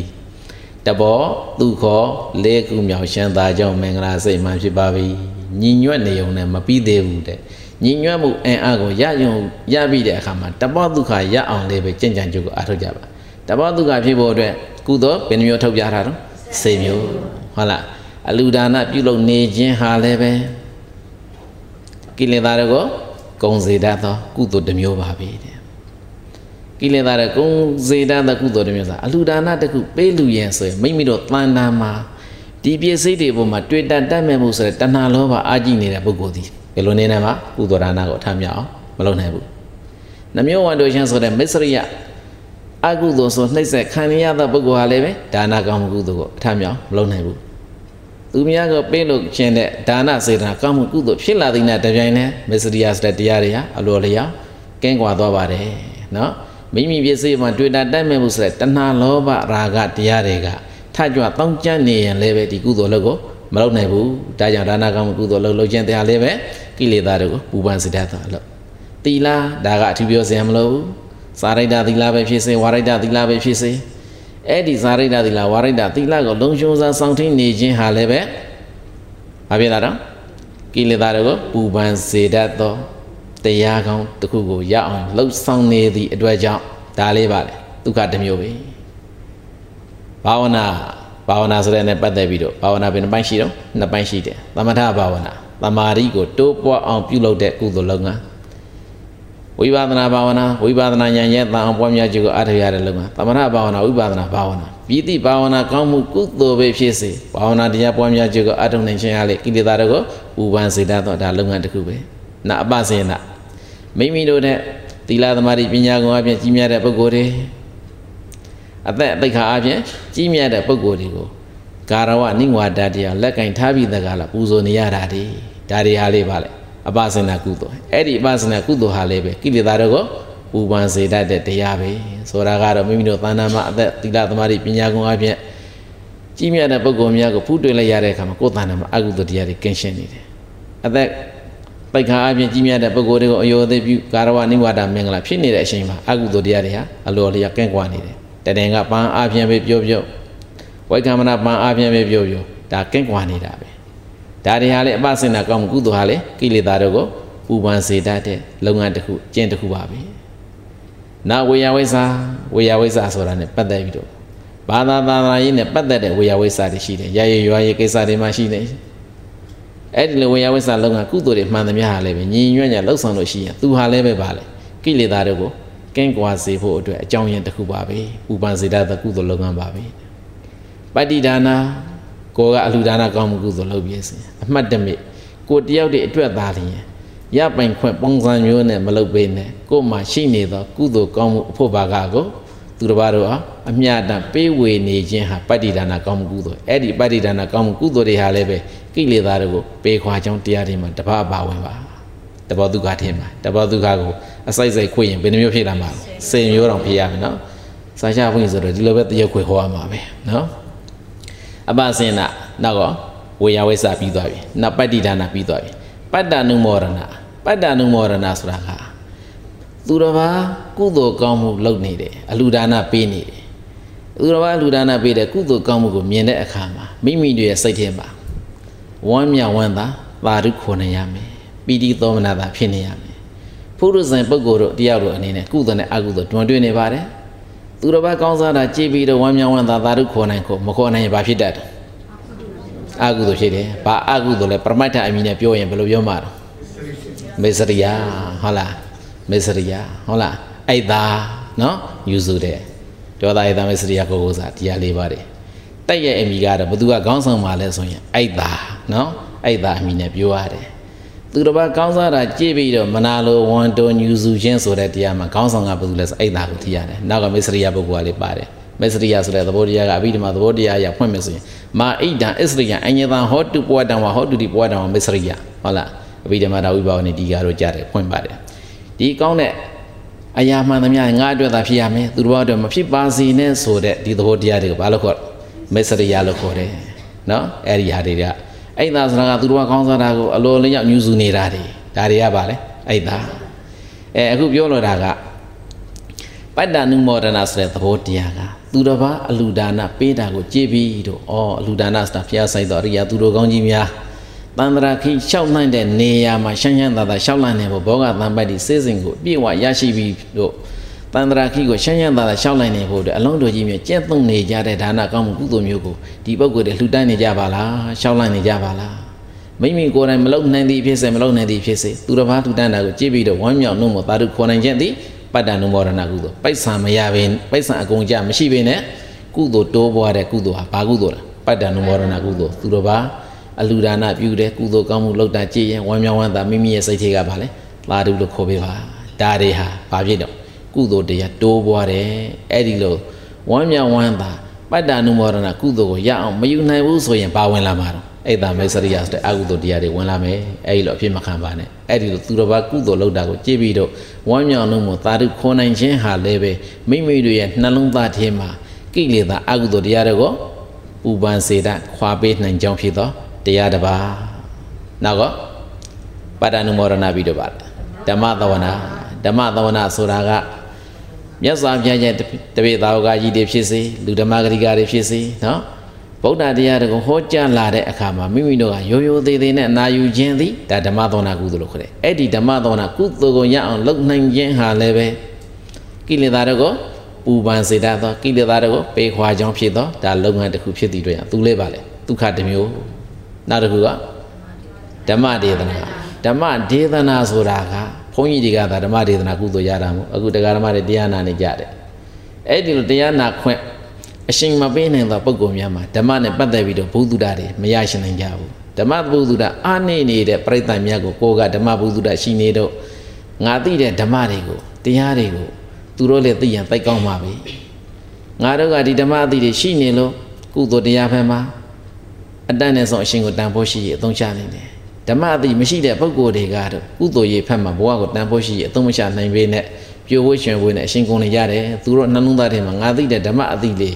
ရောက်ရတော့မယ်ဆိုရင်ဘလောက်ကောင်းပါလဲဆိုပြီးတော့ကိုယ်ကနာဘူးမှတ်ဘူးပြီးဖြစ်တော့တရားတွေကိုတဆင့်ဖောက်သေးရှာပြီးတော့သူများကိုဟောပြပြောပြလို့ရှိရင်အဲ့ဒါဘာကုသိုလ်တော့ဓမ္မဒေသနာကုသိုလ်တို့ဓမ္မဒေသနာကုသိုလ်ဟာလည်းပဲကိလေသာတွေကိုပူပန်စေတတ်ပူပန်စေကြောင်း ပယ်ခွာကြောင်းညင်းစေကြောင်းဖြစ်တဲ့တရားတွေမှာပါတယ်အဲ့ဒီဓမ္မဒေသနာကုသိုလ်ကတရားဓမ္မတွေမှတ်ထားဦးဇင်းတို့ဘုန်းကြီးတွေတာလင်ဓမ္မဒေသနာကုသိုလ်ရတာမဟုတ်ဘူးဒီတရားဓမ္မတွေကလည်းကိုသိထားတဲ့တရားတွေကိုသူများကိုဖောက်သိရှာဟောလို့ရတယ်နော်ပါဏာတိပါရအမှုဘယ်လိုပြည့်ကြည့်တယ်ပါဏာတိပါရဝိရိတိလသိခါပုဂ္ဂိုလ်သုံးချွန်းသာစောက်တည်ရဲ့ဘဝမှာဘယ်လိုအသက်ရှည်တယ်အာရိဏတအမှုကိုကျူးလွန်တဲ့ပုဂ္ဂိုလ်ကဘဝသန္တရာမှာကိုရှာဖွေရတဲ့ပစ္စည်းဥစ္စာတွေဟာရန်သူမျိုး၅ပါးကြောင့်ပျက်စီးနိုင်တယ်စသည်ဖြင့် ၅ပါးသီလသိခါပုတ်ရဲ့အကျိုးတရားတွေ၅ပါးသီလသိခါပုတ်ကိုကျူးလွန်ခြင်းကြောင့်ရရှိနိုင်တဲ့အပြစ်တရားတွေကိုသိထားသလိုကိုလောက်မှအသိဉာဏ်မရှိသောပုဂ္ဂိုလ်တို့တဆင့်ဖောက်သိချပြီးတော့ဗုဒ္ဓဓမ္မတွေကိုဖောက်သိချပြီးတော့ဟောပြလို့ရှိရင်ထိုပုဂ္ဂိုလ်ရဲ့တဏ္ဍာမှာဖြစ်ပေါ်လာတဲ့ကုသိုလ်သည်ဓမ္မဒေသနာကုသိုလ်ကုသိုလ်စိတ်မျိုးထဲမှာအာအကောင်းဆုံးကုသိုလ်သည်ဘာကုသိုလ်လဲဓမ္မဒေသနာကုသိုလ်နော်အဲ့ဒါကိုလေးနည်းလောက်သိစေရှင်းတယ်နော်ဓမ္မဒေသနာကုသိုလ်ပပ္ပဒါနာ ဓမ္မဒါနံစိနာတိဒါတွေသိတယ်ဓမ္မဒေသနာသူများကိုတရားဟောတယ်ဆိုတာအဲ့ဒါကိုဒါနထဲမှာဆိုရင်ဗေဒနာတွေသွင်းမှာတော့ဓမ္မဒါနထဲမှာဆိုရင်ဒါနတကာထဲမှာအာအကောင်းဆုံးဖြစ်သောဒါနကိုလက်ညှိုးထိုးပြပါဆိုရင်ဘာဒါနလဲဓမ္မဒါနဒါကြောင့်ကိုကအခုတရားနာနေတယ်တရားအားထုတ်နေတယ်ဆိုရင်ကိုတရားတဲ့သိစ္စာတရားကိုသိဖို့ဆိုတဲ့ရွေချက်သက်သက်မလုပ်ပါနဲ့တရားအားထုတ်ဖို့အရှင်မပေးနိုင်တဲ့ပုဂ္ဂိုလ်များဒီနေရာဒီဌာနသို့လာပြီးတရားမနာနိုင်တဲ့ပုဂ္ဂိုလ်များ မိမိတို့နဲ့တွေ့တော့ဆုံတော့အရှင်ခါကာလမှာကိုသိတတ်တဲ့ဓမ္မအသိလေးကိုလည်းပဲသူများကိုမျှဝေပေးလိုက်မယ်ဆိုရင်ကိုယ်တန်တန်မှာဖြစ်ပေါ်လာသောဓမ္မဒေသနာကုသိုလ်သည်ကုသိုလ်စင်မျိုးထဲမှာဗာဖြစ်တော့အာအကောင်းဆုံးဖြစ်သောကုသိုလ်အဲ့ဒီကုသိုလ်ကြတဲ့အခါလူတွေကအမှတ်တမဲ့နေကြတယ်အမှတ်တယ်မနေကြပါနဲ့ဥစဉ်ဒီကနေ့တရားဟောနေတယ်ဓမ္မဒေသနာကုသိုလ်ရတယ်ဒါနာထင်မှဆိုရင်ဓမ္မဒါနာကုသိုလ်တွေပဲဥစဉ်ဟောလိုက်တဲ့တရားတွေကိုဒီတရားမတွေကတဆင်ဖောက်သိချပြီးတကားလားတရားဟောပြတယ် ဖခင်ရှင်ကဒုက္ခလေးပါဟောတယ်ရှေ့ပိုင်းဒုက္ခနှစ်ပါးကိုမြတ်စွာဘုရားကိုယ်တိုင်ငါတို့အတွက်ပေးခဲ့တယ်နောက်ဒုက္ခနှစ်ပါးကတော့ငါတို့ကိုယ်တိုင်ကြင်ကြံကြုတ်ကိုအားထုတ်မှရမယ်လူရလို့ဖြစ်လာတဲ့ပုဂ္ဂိုလ်တိုင်းပုဂ္ဂိုလ်တိုင်းဒုက္ခ၄ပါးကိုရရှိနိုင်မှာအမျက်ဆုံးဖြစ်သောလူလို့ဘုရားရှင်ကသတ်မှတ်တယ်ဒုက္ခ၄ပါးကိုမရယူနိုင်သောပုဂ္ဂိုလ်ကြတဲ့ကအမျက်ဆုံးဖြစ်သောလူစင်းတွေမှာမြတ်စွာဘုရားမသွင်းဘူးဒါကြောင့်ဒုက္ခ၄ပါးကိုလူရလို့ဖြစ်လာတဲ့ပုဂ္ဂိုလ်တိုင်းပုဂ္ဂိုလ်တိုင်းဟာသာသနာနဲ့ကြုံကြိုက်မှသာလျှင်ရပ်ပိုင်ခွင့်ရှိသောဒုက္ခ၄ပါးကိုငါတို့မရရအောင်ယူသင့်တယ်ဒါတွေကစပြီးတော့သူများကိုဖောက်သိရှားပြီးတော့ဟောပြလို့ရှိရင် ကိုယ်တန်တာမှာတရားနာတော့ကတော့ဓမ္မသောနာကုသိုလ်သူများကိုဆက်ပြီးဟောပြတဲ့ဟာဓမ္မဒေသနာကုသိုလ်ကုသိုလ်စိန်မျိုးတင်မှာအမျက်ဆုံးဖြစ်တဲ့ကုသိုလ်သည်ဓမ္မဒေသနာကုသိုလ်ဓမ္မဒါနာကုသိုလ်ဘုရားရှင်ကပပဒါနာဓမ္မဒါနာစိနာတိအလူတကအလူထဲမှာဘာအလူကအမျက်ဆုံးတော့ဓမ္မဒါနာလူနော်ဒီကနေ့ဆိုင်ဘူးနိုင်ငံမှာဒီနေရာဒီဌာနမှာတရားစခန့်ဖြစ်ဖို့အတွက်ကြိုးပမ်းအားထုတ်နေကြတယ်ဒုက္ခရမဆရာတို့ကြီးမှုပြီးတော့ဒီကတရားရမတွေကြီးမှုပြီးတော့ ဆိုင်ဘူးနိုင်ငံမှာရောက်ရှိလာကြအောင်တော့တရားရမတွေဒီနေ့ဒီရဲ့ဒီအရှင်ခါကာလမှာလောကီအာယုံကာမဂုဏ်တွေနဲ့အရှင်ကုံသွားမြင်စားဓမ္မအသိလေးတွေနဲ့အရှင်ကုံသွားလို့ရှိရင်မိမိအတွက်ရောသူတစ်ပါးအတွက်ရောပြည့်စုံဘဝအတွက်ရောတန်ត្រာအတွက်ရောဓမ္မအသိတွေဟာအမှန်တမ်းကျေးဇူးများပါစေဆိုတဲ့ရွေချက်ဖြင့်ဓမ္မတပံမဖြစ်ဖြစ်အောင်ဆောင်ရွက်နေခြင်းဟာလည်းပဲပါရဏဓမ္မဒါနာနော်အမှန်တမ်းကျေးဇူးများပါတယ်ဆိုတဲ့အကြောင်း သာသနာ့ဘအခါကာလမှာစัจ java ရိမရဲ့စိတ်စဉ်ချမ်းသာတရေသူကြီးရဲ့စိတ်စဉ်ချမ်းသာမျိုးကိုရရှိစေကမူလည်းပဲဓမ္မဒါနာကောင်းမှုကုသိုလ်မျိုးကိုတို့သာသနာ့ဘအခါကာလမှာမရနိုင်ကြပါဘူးသာသနာတွင်မှာကရပိုင်ခွင့်ရှိသောဓမ္မသောနာကုသိုလ်နဲ့ဓမ္မဒေသနာကုသိုလ်ကိုဥစဉ်တို့တရားဓမ္မတွေမရရအောင်ယူပေးကြပါဒီဘဝမှာသစ္စာတရားကိုမသိရင်တောင်မှဒီဓမ္မသောနာကုသိုလ်နဲ့ဓမ္မဒေသနာကုသိုလ်သည်တနေ့နေ့တရှင်ရှင်ခါခါလာမှာနိဗ္ဗာန်မဲ့ဖို့ကိုဧကံမုတ်ချကျေးဇူးပြုမိအာအကောင်းဆုံးဖြစ်သော ကုသိုလ်တစ်မျိုးဖြစ်ပါတယ်ဒါကြောင့်မြတ်စွာဘုရားကတဘောကိလေသာတို့ကိုပူပန်စေတတ်သောကိလေသာတို့ကိုကုံစေတတ်သောကုသိုလ်စေမျိုးထေမှာ